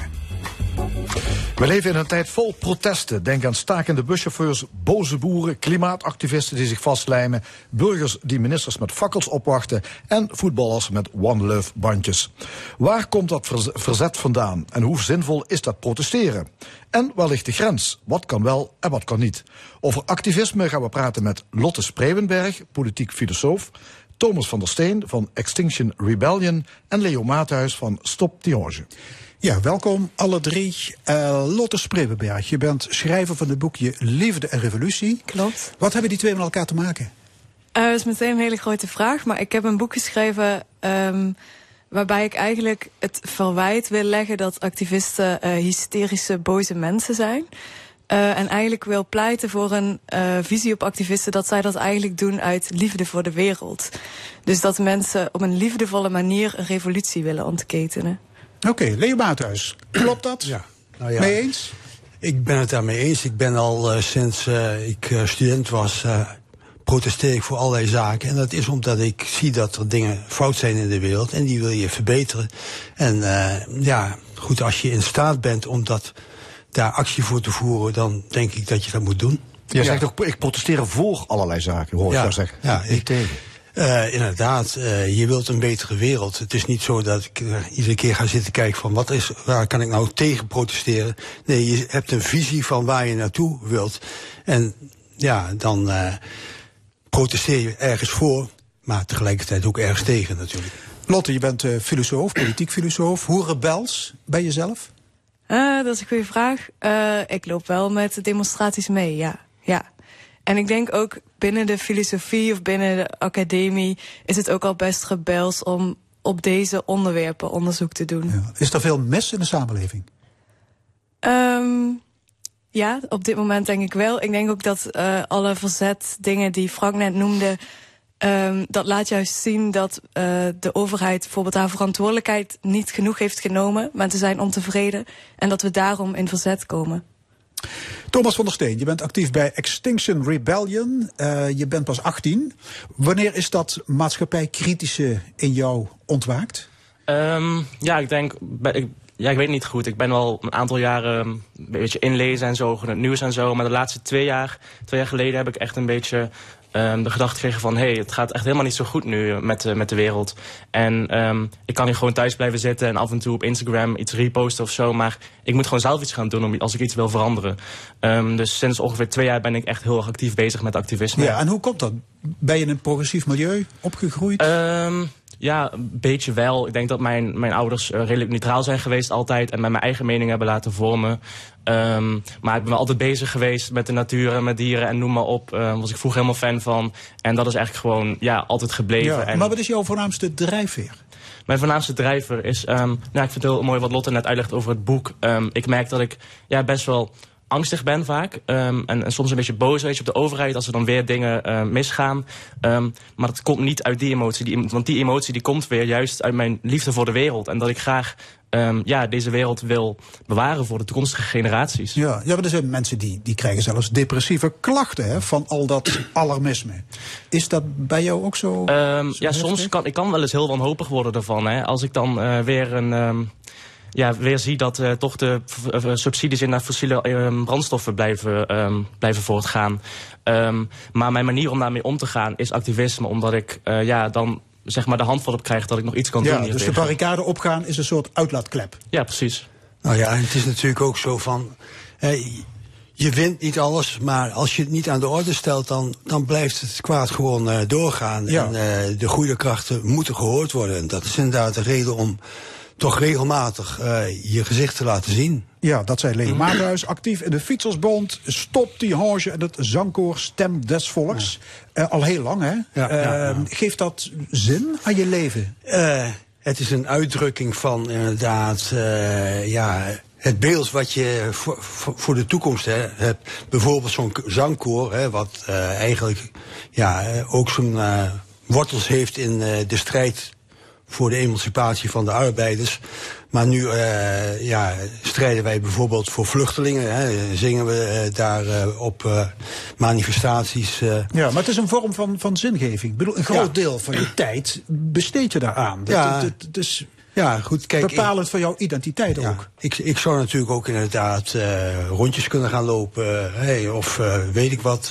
maar kijk, als je demonstreert loop je ook rondjes. En, eh, maar ondertussen kun je ook inderdaad eh, iets duidelijk maken aan, aan andere mensen. En ja, ik denk dat dat toch belangrijk is. En wat is de brandstof om ermee door te gaan? Ja, eh, de kleine successen die je zo af en toe boekt. Hè, je, er worden wel successen geboekt. Hè. Ik wil, het zijn er niet veel. en Het gaat allemaal veel te langzaam, dat is ook duidelijk. Ik bedoel met name inderdaad als we naar het klimaat kijken. En dat is al 40, 50 jaar is dat bekend.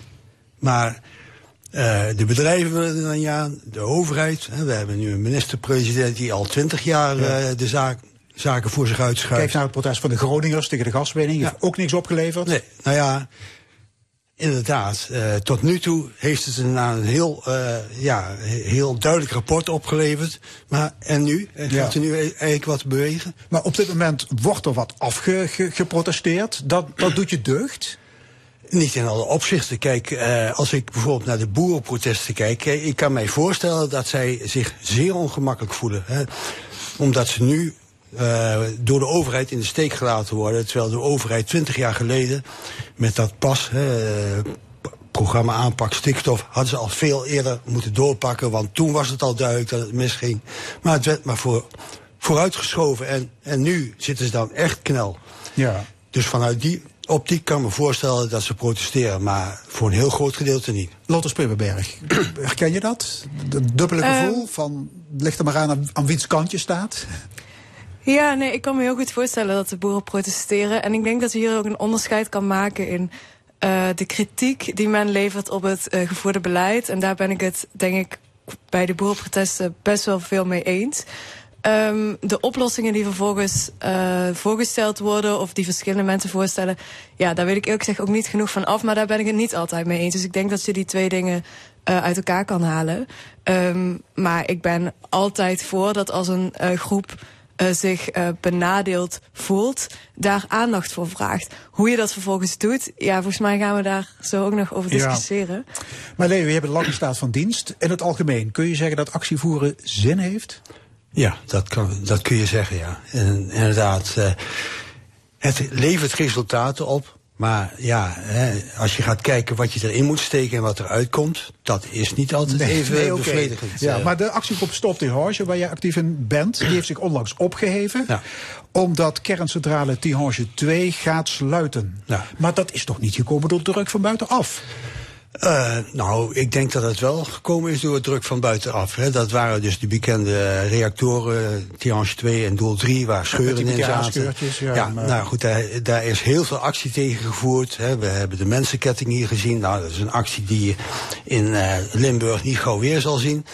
Eh, dat heeft er uiteindelijk wel toe geleid dat de Belgische overheid heeft geconcludeerd van die centrales die gaan in elk geval gesloten worden. Nou ja, dat hebben we bereikt. Uh, we hadden het natuurlijk veel eerder willen bereiken. Maar, maar goed, andere centrales gaan veel langer door. Dus, ja, oké. En dat is een andere discussie goed. natuurlijk. Thomas van der Steen, Extinction Rebellion is vooral bekend doordat actievoerders zich uh, gingen vastlijmen als schilderijen. Of die schilderijen met soep gingen besmeuren. Dat wordt jullie niet overal in dank afgenomen. Om het maar eens zachtjes uit te drukken. Um, ja, nee, nou ja, de, de schilderijen um, waren niet van Extinction Rebellion. Die zijn door Just Stop Oil. En dat is weer een, een andere actiegroep in het Verenigd Koninkrijk vooral. Um, maar inderdaad, Extinction Rebellion hier in Nederland doet ook een heleboel acties um, ja, die mensen niet zo leuk vinden. Um, maar ik denk dat dat juist nodig is. Want, want, want dat, omdat we die dingen doen, uh, dat is de hele reden waarom we nu weer overal het nieuws zijn. Hè. Dat is de reden waarom ik hier vandaag weer ja. uitgenodigd ben. Dus ga je op het Malieveld demonstreren, dan krijg je een haan naar. Nee, en blokkeer je een snelweg, dan ben je niet weg te slaan uit ja, de media. Ik ben nu zo, zo werkt het. twee jaar echt ja. heel veel bezig met activisme. Het eerste jaar heb ik me vooral gericht op uh, die schoolstakingen, weet je wel, van Greta Thunberg. Um, was ik wel eens in het nieuws, maar het stelde niet zo voor. En nu sinds ik een jaar echt heel veel bezig ben met Extinction Rebellion, word ik continu overal uitgenodigd om wat erover te vertellen. Dus, noem maar En media-aandacht is essentieel.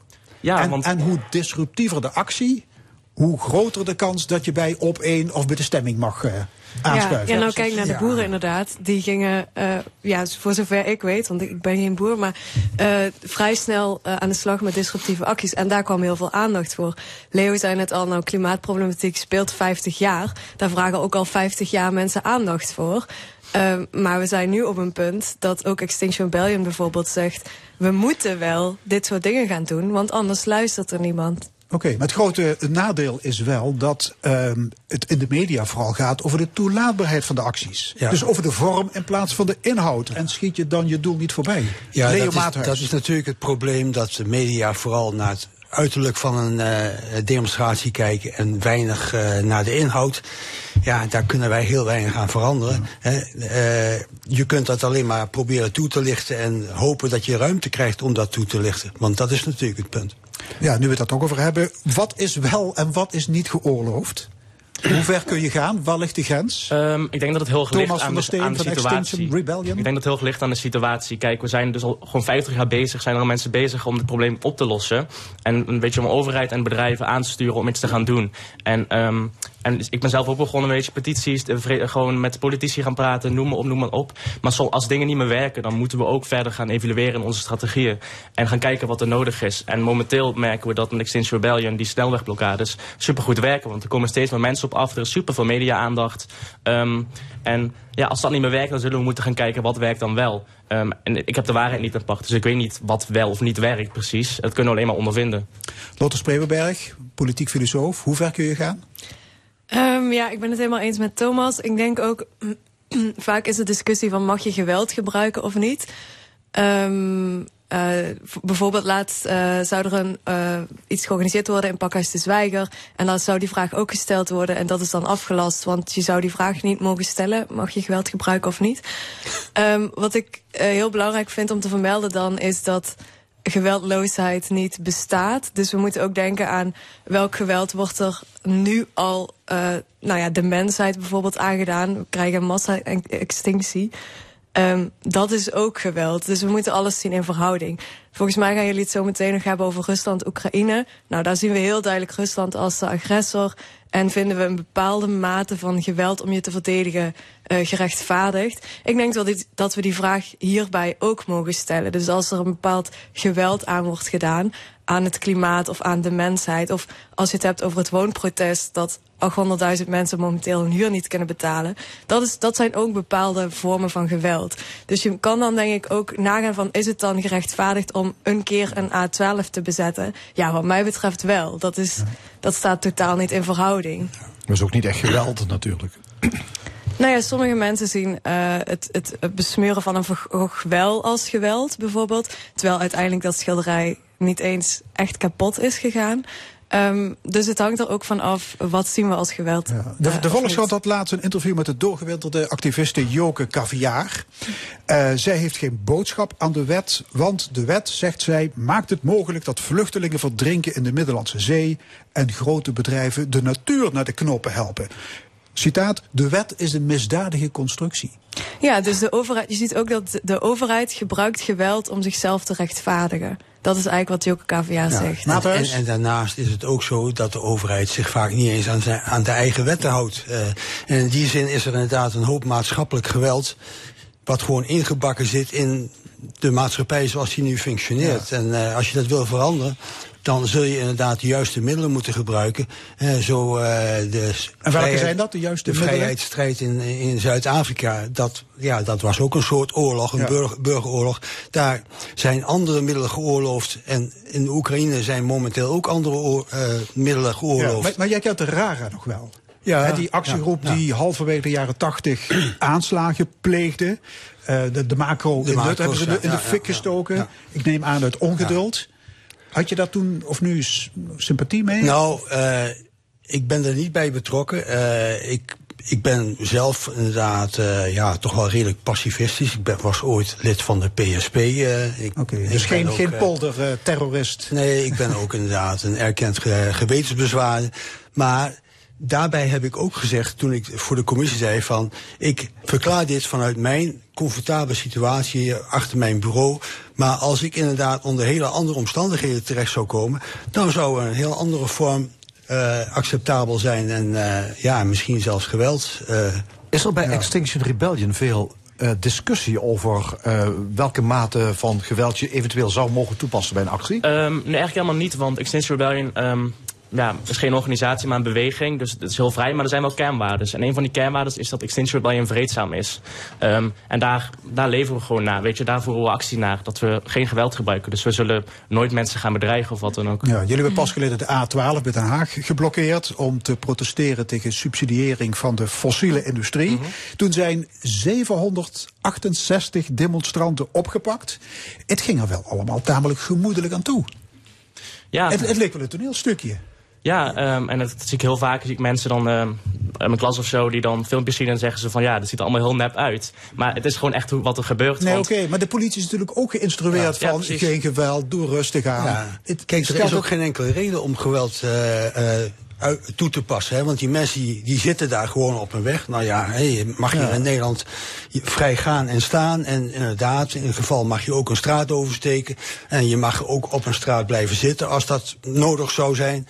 Nou ja, het gaat hier natuurlijk om juist de zaak te blokkeren. Ja, ja. Maar even goed. Maar het is ook een vorm van inkapseling. Zo van, laat ja, ze, laat ze maar even de middag... Uh... Nou, dat klopt niet altijd hoor. De politie heeft echt wel uh, agressief opgetreden bij sommige protesten. Bijvoorbeeld bij het woonprotest in Rotterdam.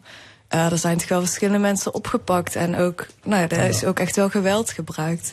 Nou ja, en, en het feit dat uh, die mensen die uh, de vorige blokkade voorbereiden en daar gewoon andere mensen voor opriepen, dat die zomaar inderdaad uh, ja, van hun bed gelicht worden, dat is ja. toch te krankzinnig voor woorden. Ja. Ja, maar nu heeft een aantal bekende Nederlanders heeft meegedaan aan die blokkade. Helpt dat? Fungeren ja, die als een soort influencer? Dat helpt zeker, denk ik. Ik wil, kijk, ja, die mensen zijn niet voor niets bekend. Hè? Die hebben standpunten en daar uh, andere mensen die, uh, die richten zich daarna. Ja, ze hebben weer een bepaald... Oh. Ja, die hebben, die hebben allemaal een hele grote volgeling natuurlijk. Uh, weet je, op social media, noem maar op. Um, en die kunnen weer een heleboel nieuwe mensen weet je, wel inspireren om ook iets te gaan doen. En of dat nou burgerlijke gehoorzaamheid is of iets anders, maakt niet uit. Maar ja, weet je, als mensen maar iets gaan ondernemen. Ja. Ben jij wel eens door, door de politie van de, van de snelweg getrokken? Uh, ik ben niet op de snelweg gezeten nog. Wel bij Schiphol ben ik wel opgepakt. Um, en uh, ja, 11 maart ga ik waarschijnlijk wel uh, naar de blokkade op de A12. Mm -hmm. Ja, ik, ik wilde eigenlijk... Ik was het helemaal eens met Thomas. Um, ja, niks aan toe te voegen ja. eigenlijk. Uh, goed, afrondend. Hoe, hoe zinvol is... Het ging er al even over daar straks. Hoe zinvol is protesteren? Heel Zon, Zonder actie geen verandering? Ja, ik denk als je gewoon historisch kijkt, alle grote veranderingen zijn allemaal gepaard gegaan met demonstraties in een vorm, welke vorm dan ook. Ja. Ja, en ik denk dat je ook ziet dat um, historisch gezien uh, heel veel protestbewegingen altijd werden gezien als te vergaand en, uh, en de wet overtreden. Kan het wel allemaal dan. Um, maar ja, weet je, tijden veranderen, dus wetten zullen ook moeten veranderen. En we moeten gaan kijken, ja, we moeten gewoon gaan herzien wat wel en niet kan. Ja. En, um, je moet gewoon de wet ja. een beetje testen op zijn elasticiteit. Ja, precies. En ik denk dat dat een, een heel fundamenteel iets is van de, voor, een, voor de gezondheid van de rechtsstaat. Om te gaan testen of wat we doen nog wel juist is. Ja, ik wil overigens uh, in geen enkele manier oproepen oproepen tot geweld of zo. Mhm. Dat wil ik even heel duidelijk gezegd hebben. Maar bijvoorbeeld soep gooien naar een schilderij of een A12 bezetten, dat is een bepaalde vorm van geweld waar ik, als je die in verhouding gebruikt. eh, bij wat ons te wachten staat, dan kan ik dat absoluut goedkeuren. Dan is dat klein bier. Ja, ja, maar ik, Nou ja, ik denk ook, kijk, het feit dat... Maar je kunt je, je ook uitleven op iets anders. Ja, maar niet op mensen of zo bedoel ik. Dat, dat Kijk, is het feit dat je nu inderdaad eh, wettelijk inderdaad eh, fossiele bedrijven dat die ondersteund worden, dat is ook geweld. Ik wil, dat is gewoon geweld tegen de toekomstige generaties die eh, hier, last van gaan krijgen. Is het een morele plicht om te protesteren tegen misstanden? Ja, Leo Maathuis. Ja, voor mij geldt dat wel. Kijk, als ik daartoe in staat ben en ik doe het op een vreedzame manier, eh, dan ja, voel ik mij daar toch wel meer mee toe verplicht. Ja, het is absoluut een morele plicht. Ehm, we hebben verantwoordelijkheid allemaal om te zorgen voor elkaar en om te zorgen voor onze omgeving. Eh, daarom kiezen we een bepaalde overheid. Als die overheid die verantwoordelijkheid niet opneemt, of inderdaad bepaalde eh, de, de- de subsidies geeft aan, eh, aan Shell of zo, dan mogen we er absoluut wel zelf verantwoordelijkheid voor nemen. Ja, je schrijft in het boek: verandering begint met het bestrijden van onverschilligheid en onwetendheid. Ja. Dus wat dat betreft is er nog veel werk in de winkel. Zeker, en ik denk dat juist protesteren die onverschilligheid en onwetendheid tegen kan gaan. Ja, ja helemaal mee eens. Ja. Oké, dan dank ik jullie hartelijk voor dit gesprek. Filosoof Lotte Spreeuwenberg en actievoerders Thomas van der Steen en Leo Maathuis. U luistert naar L1 en dit is de stemming nu voetbal. Want we gaan naar Sittard. Daar zit Falco Kremers klaar voor de wedstrijd van Fortuna tegen Feyenoord. En zo te horen zijn ze begonnen, Falco. Inderdaad, negende minuut van de wedstrijd 0-0 nog. Onder heerlijke omstandigheden hier in Sittard. Een oerverkocht stadion met 12.500 toeschouwers. En een lekker zunke zijn eh, inderdaad de teams van Fortuna en Feyenoord aan deze wedstrijd begonnen. Eén keer kosten die supporters al juichen. Waren het niet dat Boer Gielmas bij de 1-0 in boetespelpositie sting. En dat doelpunt voor Fortuna dus wordt afgekeurd. Ik geef even de opstelling van de Sittardse ploeg. Pandoer eh, is de keeper. Eh, Rechts achterin speelt Navarro. Centraal achterin Goed en Siovas. En aan de linkerkant Remy Vita. Bistrovic, dat is normaal een van de belangrijke mensen bij Fortuna. Die is afgehaakt in de warming-up. En hij wordt vervangen door Arinit Ferrati op het middenveld. Er staat Neve Terru de Warte en Ugozan Ushakoub, de oud Feyenoorder. En voorin van rechts naar links Tijani Noslin. Burak Yilmaz dus in de punt. En aan de linkerkant Umaro en Ballo. Ze zit voor in de tiende minuut van deze wedstrijd. Het Fortuna de grootste kans is gehad van deze wedstrijd. Maar is er hier dus nog niet gescoord. 0-0. Oké, wij houden het bij hier in de stemming. Wordt er gescoord, dan hoort u het onmiddellijk. Dit is Little Feet, Willem.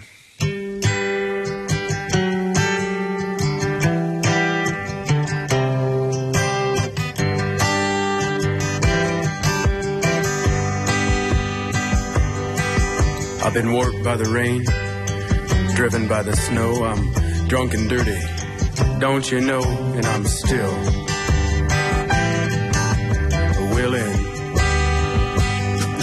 I was out on the road late at night. I seen my pretty Alice in every headlight.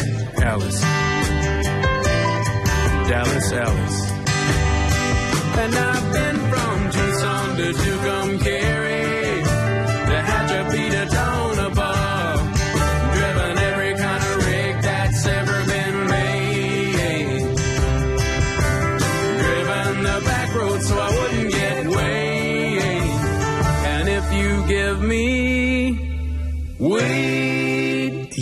dat prachtige nummer van Little Feet even onderbreken, want er is gescoord in Sittard. Fortuna Feyenoord. Falco Kremers. Het is de Rotterdamse ploeg die de leiding neemt met deze wedstrijd. Tweede kunner van de wedstrijd voor Feyenoord vanaf de rechterkant werd ingedraaid. Bleef eh, hangen. Slecht voor werk bij Fortuna. En dan ingekoopt door Oussama Idrissi. Fortuna kiek in de tiende minuut tegen een 0-1 achterstand aan tegen Feyenoord.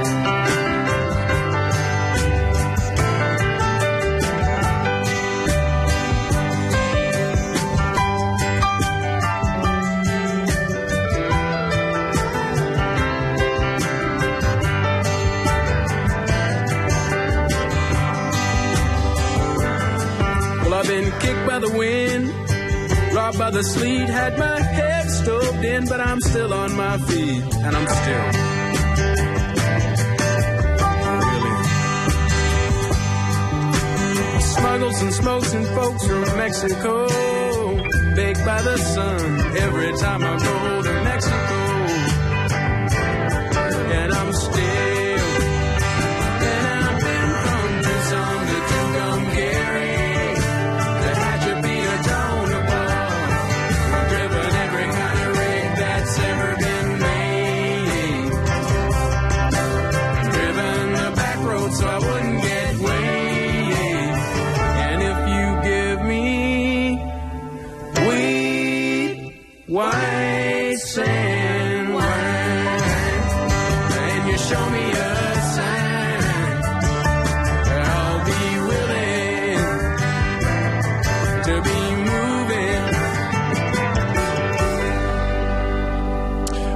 Willen van Little Feet in de stemming. Zometeen het laatste half uur van de stemming altijd gereserveerd voor het opiniepanel. Die zit al klaar hier, maar eerst een ongezouten mening. De column. Vandaag met Rezi Kouwmans. Ik wil nooit, nee echt nooit, zo waren wie stig. Deze emotionele uitspraak deed ik tegen mijn pap, wie ik een jaar of zestien was. En hij mij weinig subtiel te kennen gaf dat er het niet eens was met mijn muzieksmaak. Vroeger, vroeger, toen moken ze pas muziek. De herrie van dich, dat is toch niet om aan te horen. En nu ben ik zelf 60. En betrap ik mich erop dat ik mich erger aan de jeugd. Vroeger, ja, vroeger was alles beter. Want pak nu de afgelopen vastelovend. Half naakse wichter die zich zaad soepen aan de pikaatjes. Paardenkutjes. Huh? Je weet niet wat dat is? Nou, dat is apfelkorn met spaarrood. Want toch kunnen ze dan meer van drinken als van beer.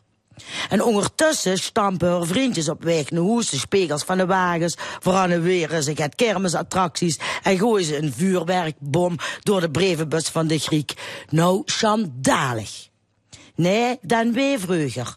Veer dronken nog gewoon spatjes.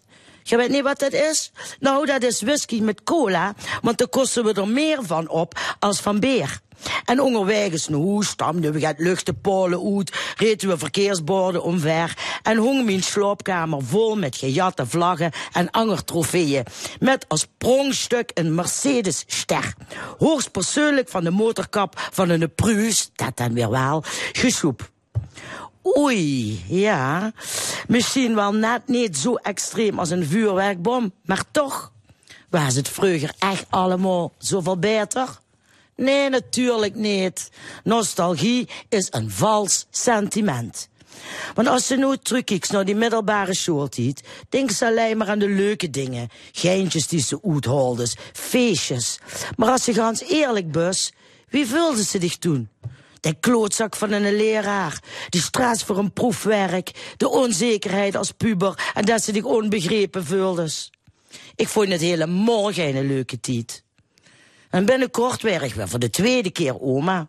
En mijn mens zei bij de eerste keer al tegen mijn zoon... Weet je wel zeker dat je in deze tien een kind groot wil brengen? Maar datzelfde zei ze tegen mij ook, wie in de tachtiger jaren kinder kreeg. Grote werkeloosheid, de moerstong nog, atoomwapens, de kaaienoorlog.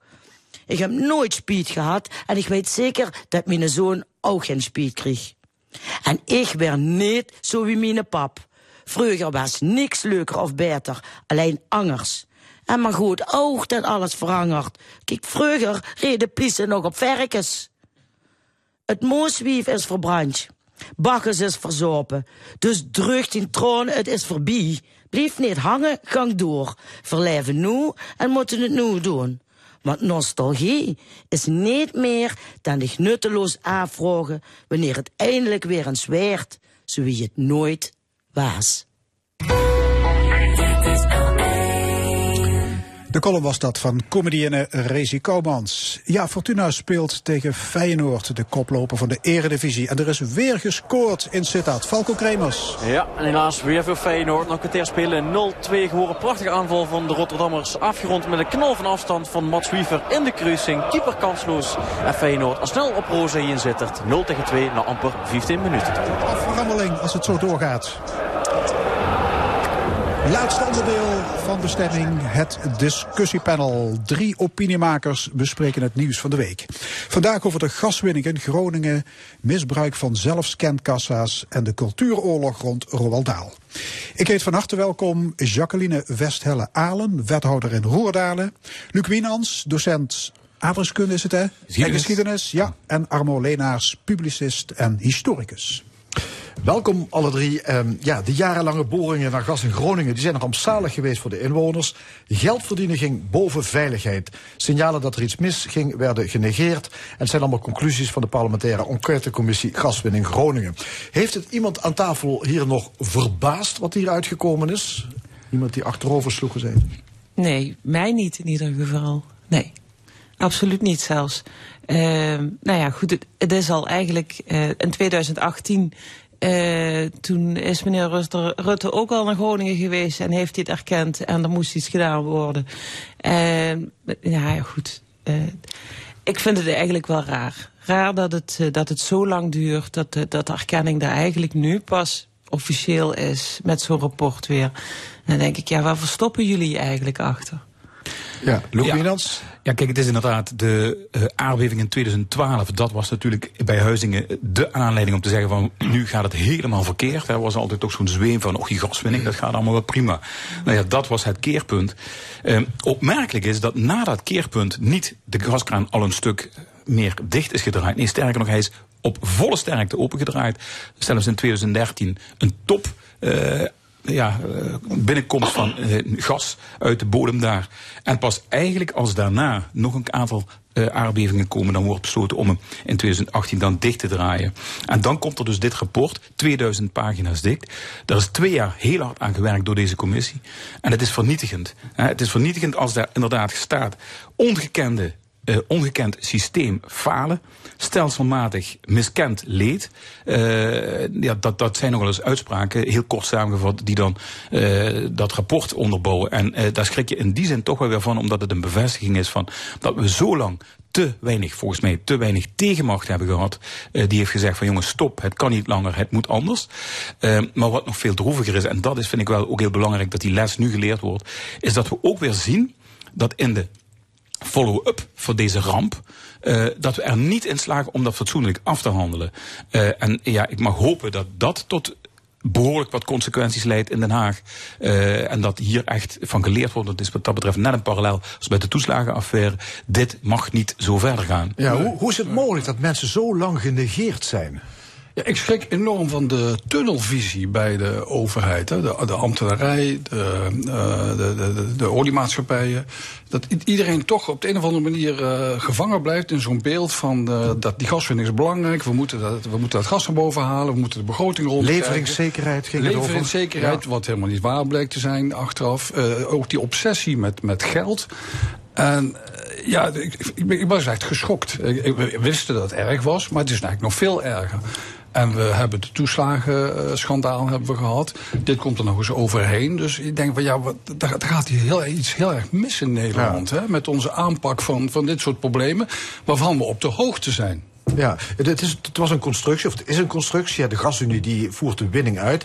En die bestaat uit twee oliebedrijven en de staat. Er zitten hoge ambtenaren van de staat ja. in. Is, zou die constructie ertoe geleid hebben dat dit allemaal zo mis is gegaan? Dat er te weinig parlementaire, politieke controle is geweest? Nou, er zijn natuurlijk genoeg signalen ook gekomen vanuit het veld, zeker en vanuit de bewoners, zeker van uh, neem dit serieus, maar het is niet serieus genomen. Er is iedere keer weer uh, de, is de keuze gemaakt om zaken te gaan onderzoeken. En het ene volg, onderzoek volgde op het andere. Dat aanvankelijk zelfs ontkend dat die gasboringen iets tot, tot een aardbeving zouden kunnen leiden. Ja, ja. ja. En, en daar staat tegenover dat aan de andere kant wel degelijk er continu, en dat zie je stelselmatig bij de kabinetten die geweest zijn, dat er gedacht is is over winstmaximalisatie. Ja. Uh, iedere keer een, een, een, ja, een optie tussen een afweging tussen uh, baten uh, en, en, en wat het ons zou moeten opleveren en wat we erin zouden moeten stoppen. Nou, uiteindelijk moet dat altijd uitdraaien op winst. dat staat voorop. En, en dan pas later gaan we de consequenties bezien en worden daar weer consequenties aan verbonden van moeten we het dan afhandelen. Ja, de, de Tweede Kamer die is eigenlijk onvoldoende geïnformeerd. Groningers werden genegeerd. Is er iemand schuldig? Moet iemand hier het boetekleed aantrekken? Jacqueline? Uh, ja, ik ben al te lachen, want uh, ik weet niet of we meneer Rutte ooit van die stoel afkrijgen. Want ja. hij komt er iedere keer weer uh, heel mooi onderuit. Dus. Want hij, hij, hij, hij, zit daar nu tien jaar, twaalf jaar. En ik bedoel, hij heeft, al die tijd heeft dit probleem gespeeld, hè, al jarenlang. Ja. ja, maar het is ook, ik wil toch ook even zeggen dat het, uh, het is breder dan de eindverantwoordelijke. Dat is hij, hè, minister-president, al die jaren. Maar er zit toch wel een heel, zeg, haast een industrieel, uh, financieel complex achter om dit in stand te houden. Al die jaren. Ja. Maar ja, dus er mogen meer maar, mensen. Maar de minister-president is inderdaad, zoals je zegt, die is wel eindverantwoordelijk. Ja. ja. Kijk, of, of gaan we weer verder alsof er niks gebeurd is? Nee, dit, dit, moet consequenties hebben. Dat kan niet anders. En het krijgt ook consequenties. Ik, ik, denk dat inderdaad iedereen ziet dat er een hele grote parallel zit tussen al die andere zaken die mis zijn gegaan. En dat betekent eigenlijk dat, je sprake, dat er sprake is van een cultuur. Uh, en bij de vorige uh, verkiezingen is heel duidelijk gesproken ook, er moet een cultuurverandering gaan komen. Nou, daar zijn we het over eens. Alleen is daar nog niet een begin van te zien. Ja. Het kabinet Rutte 3 is gesneuveld over de toeslagenaffaire. Precies. Ja. Is dit dan erger of net zo erg? Of hoe, nou, hoe, hoe moet je dat vergelijken? Dit raakt net zo goed weer heel erg veel mensen. Uh, uh, niet alleen uh, in de beurs, maar ook in hun veiligheidsgevoel. En van waar woon ik? Is mijn huis wel veilig? nou, en daar heb je op te acteren als overheid. Ja? Je dient in een, in een democratische rechtsstaat ja, op te komen voor dat collectieve bezit en het vertrouwen. Dus de vraag, moet Mark Rutte aftreden vanwege dit rapport?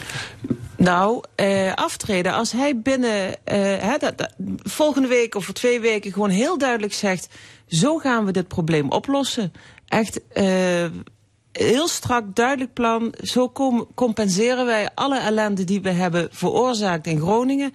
Dan mag hij er blijven zitten om het ook uit te voeren. Want als je hem nu gewoon wegstuurt dan uh, krijg je weer een heel gedoe voordat er weer iemand zit die inderdaad weer besluiten gaat nemen en beslissingen gaat nemen. Dus uh, laat hem nou maar inderdaad laten zien dat hij ook iets meer kan als alleen maar praatjes maken. Ja. ja. kun je je voorstellen dat dit kabinet blijft zitten ondanks dit vernietigende rapport? Nee. Nee, dat kan, dit moet consequenties hebben. Maar het is wat uh, Voor het hele kabinet? Zegt. Ja, eigenlijk wel. Maar het is natuurlijk het punt, uh, hoe gaan we dan verder? Hè? Krijgen we dan, wat we de afgelopen keer gehad hebben, een enorm lange formatie en uiteindelijk uh, min of meer hetzelfde kabinet? Of, of gaat er nu echt iets veranderen in Nederland? Dat is ja. volgens mij de vraag die nu voor Vorige keer trad het kabinet af en Rutte was weer uh, lijsttrekker voor de VVD. Ja, en uh, het had electoraal ook nauwelijks consequenties. We krijgen min of meer hetzelfde kabinet weer terug. Ja. Luc Wienans? Nou, wat, wat essentieel is, wat in het rapport beschreven staat, is dat uh, de bewoners in Groningen eigenlijk zeggen dat met name de beslissers over hoe je met de compensatie en met de restauratie en met het herstellen van vertrouwen zou moeten omgaan, dat daar een enorm gat tussen zit, een kloof die niet te overbruggen lijkt. En om dat aan te pakken, heb je gewoon een kabinet nodig. Er komt nog bij dat we natuurlijk ook niet in een gewone situatie zitten. We hebben een, een oorlog in Oekraïne. Mm -hmm. uh, die is zeer dreigend naar heel Europa, ook naar Nederland. Uh, en het zou bijna niet verantwoord zijn om nu te zeggen, nou kabinet, god ga naar huis. Natuurlijk, dit is een hele grote blunder en het moet ook consequenties hebben. Tegelijkertijd moeten we ook waken over het hogere algemeen belang. En dat is de veiligheid van ons allemaal. Ja los van die politieke consequenties, als je kijkt naar wat er in Groningen gebeurd is, zien jullie parallellen met wat er in de mijnstreek gebeurd is? Ja, die zijn er wel. Maar ik uh, beoordeel wat er in Groningen gebeurd is als erger dan wat hier is gebeurd. Ik uh, weet, we hebben natuurlijk de, de mijnen zijn gesloten, grote sociaal-economische problemen. Maar toen was er wel een intentie vanuit de overheid om, om, dat, om dat goed te maken. We hadden meteen de reden van De Nuil. Die zei van, ja, geen, er wordt geen mijn gesloten voordat er vervangende verva werkgelegenheid precies, vervangende werkgelegenheid. Uiteindelijk ook iets anders uit. Het is allemaal niet gegaan zoals het had moeten gaan, maar de intentie was goed. De, de, de bedoeling was om het om de goede banen te leiden. En, uh, en ik krijg hier een vervelend gevoel bij, wat er in Groningen gebeurt, dat die intentie helemaal niet goed was. Nee. Dat hier, uh, dat hier uh, nou ik zei het in het begin al, een soort tunnelvisie is geweest van als dat gas maar komt, als wij onze centjes maar binnenhalen en, en verder moeten ze niet zeuren daar in Groningen. Ja, toen had de politiek het beste voor met mensen en nu kun je je daar iets bij afvragen. Ja, dat is een parallel natuurlijk. Hè. Groningen en Limburg liggen beide gevoelsmatig ver af van Den Haag. Uh, er is denk ik ook wel sprake van een, een, een, vorm van sociale ongelijkheid als het over macht gaat. Hè. Het machtscentrum zit in Den Haag. En het is bijzonder dat juist die regio's daar alle twee last van hebben gehad.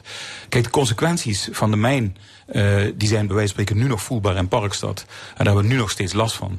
Uh, en wat je ziet in Groningen is, ja, en daar heeft ook dit kabinet de kans om naar aanleiding van dit rapport uh, ja, heel consequent te zeggen, dat laten we niet gebeuren. En we gaan zeker met, een fatsoenlijke, met fatsoenlijke regelingen komen, heel pragmatisch en stevig aanpakken, niet juridiseren, maar zorgen dat het daar goed komt. Dus leer daarvan. Ja, Jacqueline Westelle. Nou ja, goed. Uh, het is inderdaad zo dat de overheid hier, uh, de Parkstad met name, is echt wel een, een beeld bij de overheid. En er komt genoeg geld uh, naartoe ook. Nou, maar ik moet ook eerlijk zeggen, we hebben er als, als buurgemeentes ook alweer last van. hè? Zo'n woondeal die nu weer af, eh, of sorry, zo'n zo'n eh, algemene deal, regio-deal, die dan weer niet doorgaat voor Midden-Limburg. Eh, en je ziet dat, ik weet niet hoeveelste deal alweer eh, in Parklandstad is geland. Je bedoelt, het gaat allemaal naar Parkstad? En ja, dat- gevoel, moet ik eerlijk zeggen, krijg ik wel Heb je steeds als meer. wethouder van Roerdalen? Ja, dat krijg je. we hebben nu de volgende, dat is de woondeal. Daar zijn we nu volop mee bezig. En ik ben echt heel benieuwd, want de wederkerigheid zit daar ook niet in. Eh, we mogen alleen met meneer de Jong iets afspreken. Maar eh, of er inderdaad ook daadwerkelijk weer geld komt op andere plekken... behalve inderdaad in die, in die mijnstreek... eh, is ook nog maar even afwachten. Je hoort wel eens zeggen, als die gasvelden eh, in, in de buurt van Den Haag zouden hebben gelegen, dan was deze ellende niet geweest. Nee, is dat. Nee, populistisch? absoluut. Nee, dat is zo. Nee, dat is zo. Ja? Dat is zo. Nee, natuurlijk niet. Als het in de Randstad had plaatsgevonden, dan was dit nooit zo uit de hand gelopen. Hoe kan dat? Ja, dat is wat, eh denk ik wat Jacqueline ook, ook wel zegt. Er is toch een, eh, een groot verschil tussen het, eh, en wat Luc ook zegt, tussen het centrum en de periferie.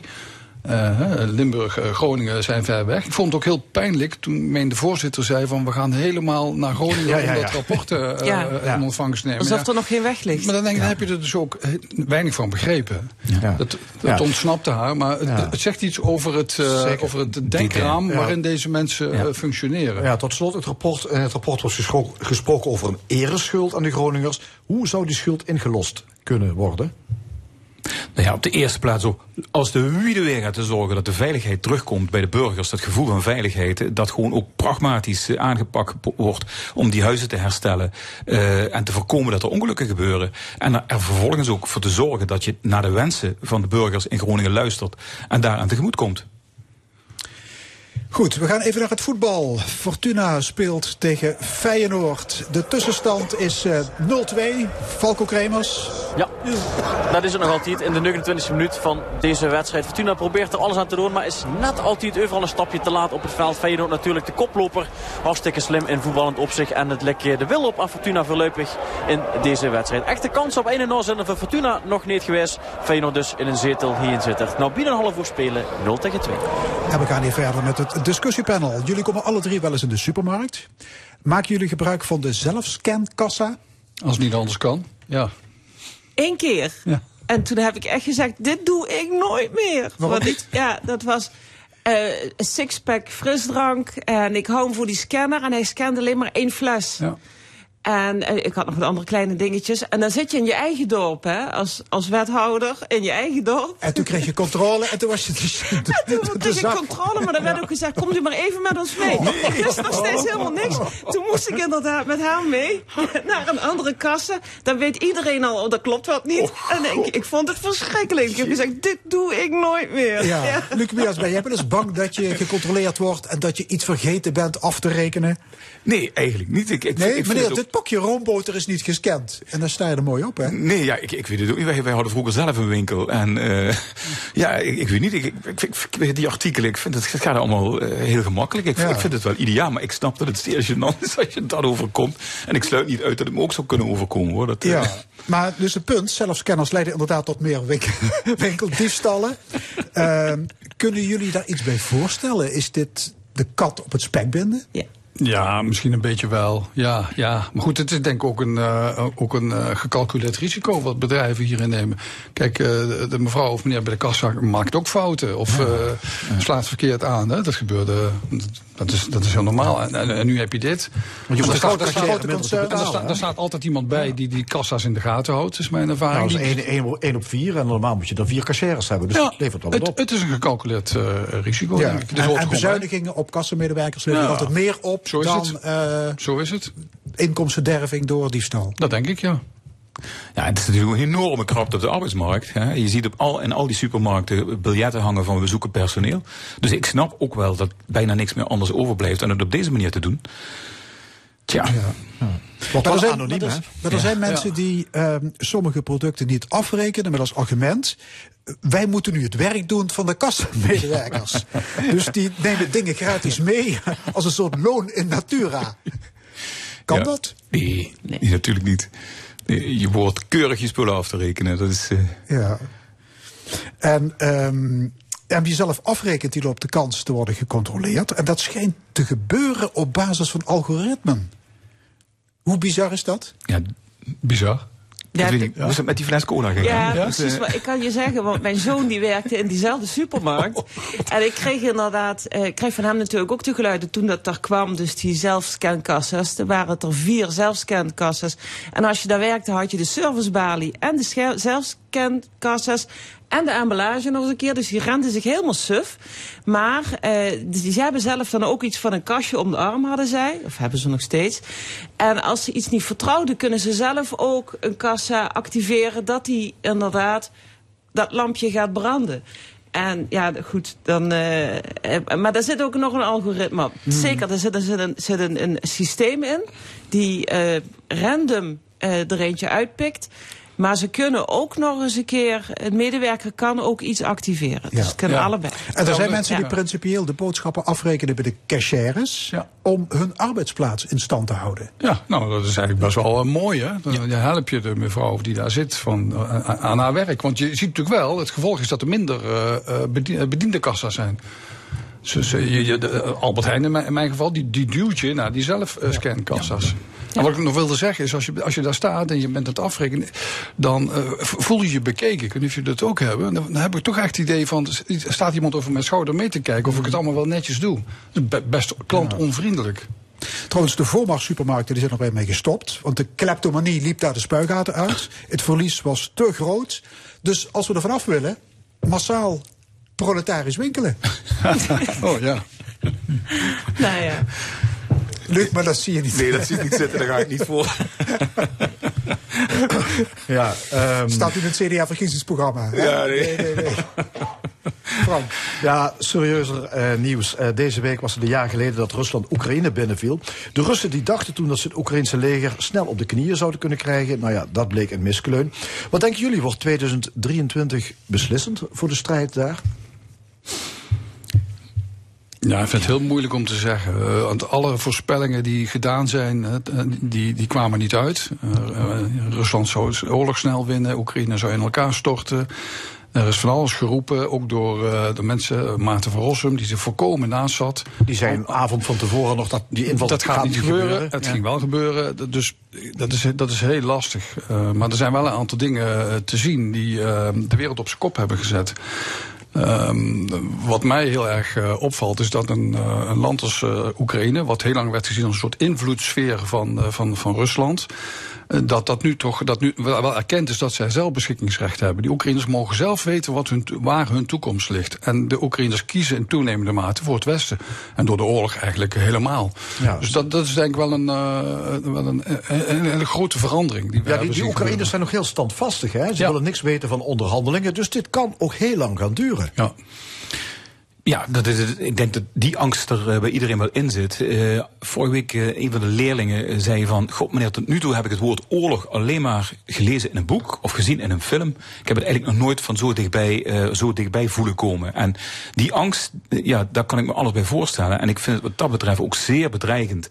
dat het inderdaad een jaar heeft kunnen duren... en dat we eigenlijk met z'n allen ernaar aan het kijken zijn... en dat we bijna op dit moment koersen op een soort uitputtingsslag... van wie houdt het het langst vol...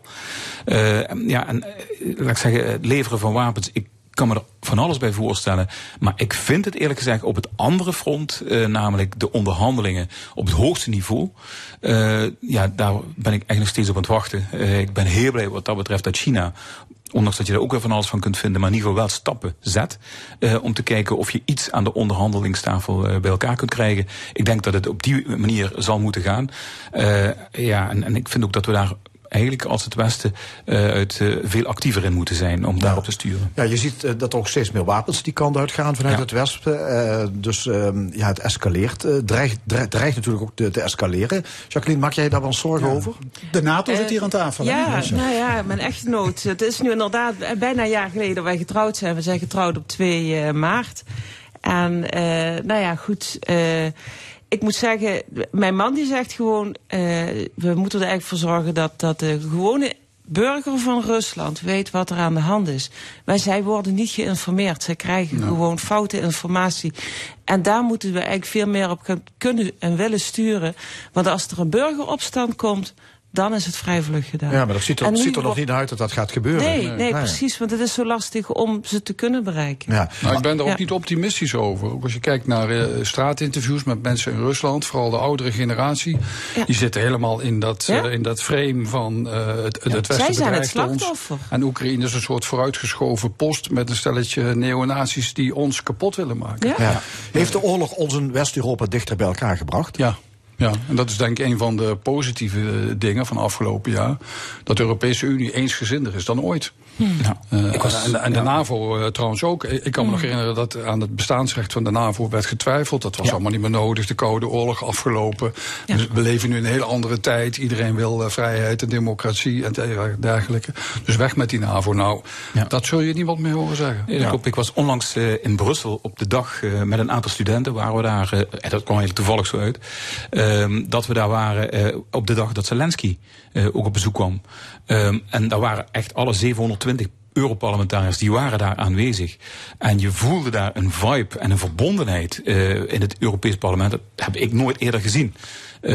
Echt van, van ja, dit is de basis, zeg maar. Dit zijn de wortels waarom wij bestaan. Uh, uh, wij zijn bij elkaar gekomen om na die Tweede Wereldoorlog te zeggen: dit nooit meer. Dat verenigt ons in Europa. Ja, hoe gaan wij dat volhouden? Want ik zag gisteren in Berlijn een grote demonstratie van extreem links en geloof ik ook rechts.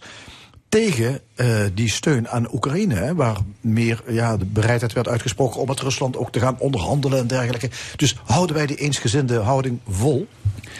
Ja, ik, ik denk het wel. Ik denk dat die band binnen Europa zo sterk is en dat echt helemaal niemand inderdaad dat oorlogsleed wat we iedere dag te zien krijgen uh, terug willen zien hier in, uh, in Europa, binnen de grenzen. Dus uh, ik denk dat de, de overgrote meerderheid zal de maximale inspanning willen om, om hier een einde aan te maken. Maar daarom geef ik wel ook aan van die diplomatieke weg en die ingang via China. Ik vind dat toch een eerste begin. Ik weet dat je niet zo'n oorlog met een knop aan en uit kunt zetten, maar je moet ergens gaan beginnen. Dus oftewel vanuit het volk, oftewel op het hoogste diplomatieke niveau. Nou, ik, denk zelf dat, er, uh, dat de uitweg is dat er iets gaat veranderen in het Kremlin, in de top in Rusland. Ik, ik begrijp dat Poetin is nu 70 jaar. Die man moet ook uh, overwerkt zijn door alles uh, waar, hij mee bezig is. En ik, ik zie daar uh, een uitweg. dat daar ook in, in, zijn omgeving mensen opstaan die zeggen van dit gaat mis. hij berokkent ons land grote schade. Hij, hij, kan beter een stapje opzij doen. En ja. anderen nemen het van hem over. Ja. Maar hoe, wat zich daar afspeelt weten we natuurlijk niet. Hè? Maar ze raken wel steeds meer geïsoleerd, dat is duidelijk. Ja, Rusland ja. staat steeds meer ja, in zijn eentje tegenover de rest van de wereld. Ja. Goed, Feyenoord leidt met 2-0 bij Fortuna. We gaan naar uh, Falco Kremers in het stadion in Sittard. Eigenlijk niet meer veel gebeurd. De laatste minuten, nog vier minuten officieel tot aan de rust. Feyenoord controleert nog altijd deze wedstrijd. En uh, Fortuna heeft gewoon moeite om tot kansen te komen. Maar ja, dat is niet zo gek. Feyenoord de betere ploeg natuurlijk. Getuige ook de 0-2 voorsprong. Die al nog een kwartier op de klok stond in Sittard. Nog vier minuten hier in de eerste helft. Ja, de boeken van Roald Dahl die worden gekuist door een legertje sensitivity readers. Het woord lelijk is geschrapt, dik is vervangen door enorm. Mannen zijn mensen geworden en gaan zomaar door. Wat vinden jullie van deze aanpassingen? Armo Lenaars. Ja, vind ik heel slecht. Uh, ik, ik heb Roald Dahl trouwens uh, niet gelezen, zeg ik even erbij. Maar wat ik uit commentaren, uit ingezonde brieven en zo begrijp... vinden heel veel mensen dat je dat niet moet doen. Want dan kun je aan de gang blijven? Dan kun je aan de gang blijven. En er zijn heel veel voorbeelden van. Uh, ik, ik, ben, uh, ik, heb, ik las vroeger altijd Kuifje. Vind ik geweldig. En als je dat nu terugleest, voor het Kuifje in Afrika, Kuifje in de Sovjet-Unie, dan, dan schaam je je ook uh, kapot eigenlijk. Hè, hoe, hoe onvervalst racistisch dat is. En wat voor, wat, hoe er aangekeken wordt tegen andere volkeren. En dat is eigenlijk nog veel erger. Jacqueline? Nou ja, goed, ik denk dat je het net zoals Walt Disney moet doen. plaats er maar een waarschuwingje vooraf. Uh, ook in een boek of zo, gewoon een klein kadertje nu bij je drukken. En daar schrijf je dan op uh, dat dit, dit verhaal is geschreven in de tijd dat er toch ja, andere normen Hmm. waren, waarden waren. Of hè, dat er in ieder geval toch anders naar zaken gekeken werden. Als dat je alles gaat herschrijven. Want... Ja, want dit is de tijdgeest. Hè? We willen ja. verbinding, inclusie, niemand voor het hoofd stoten.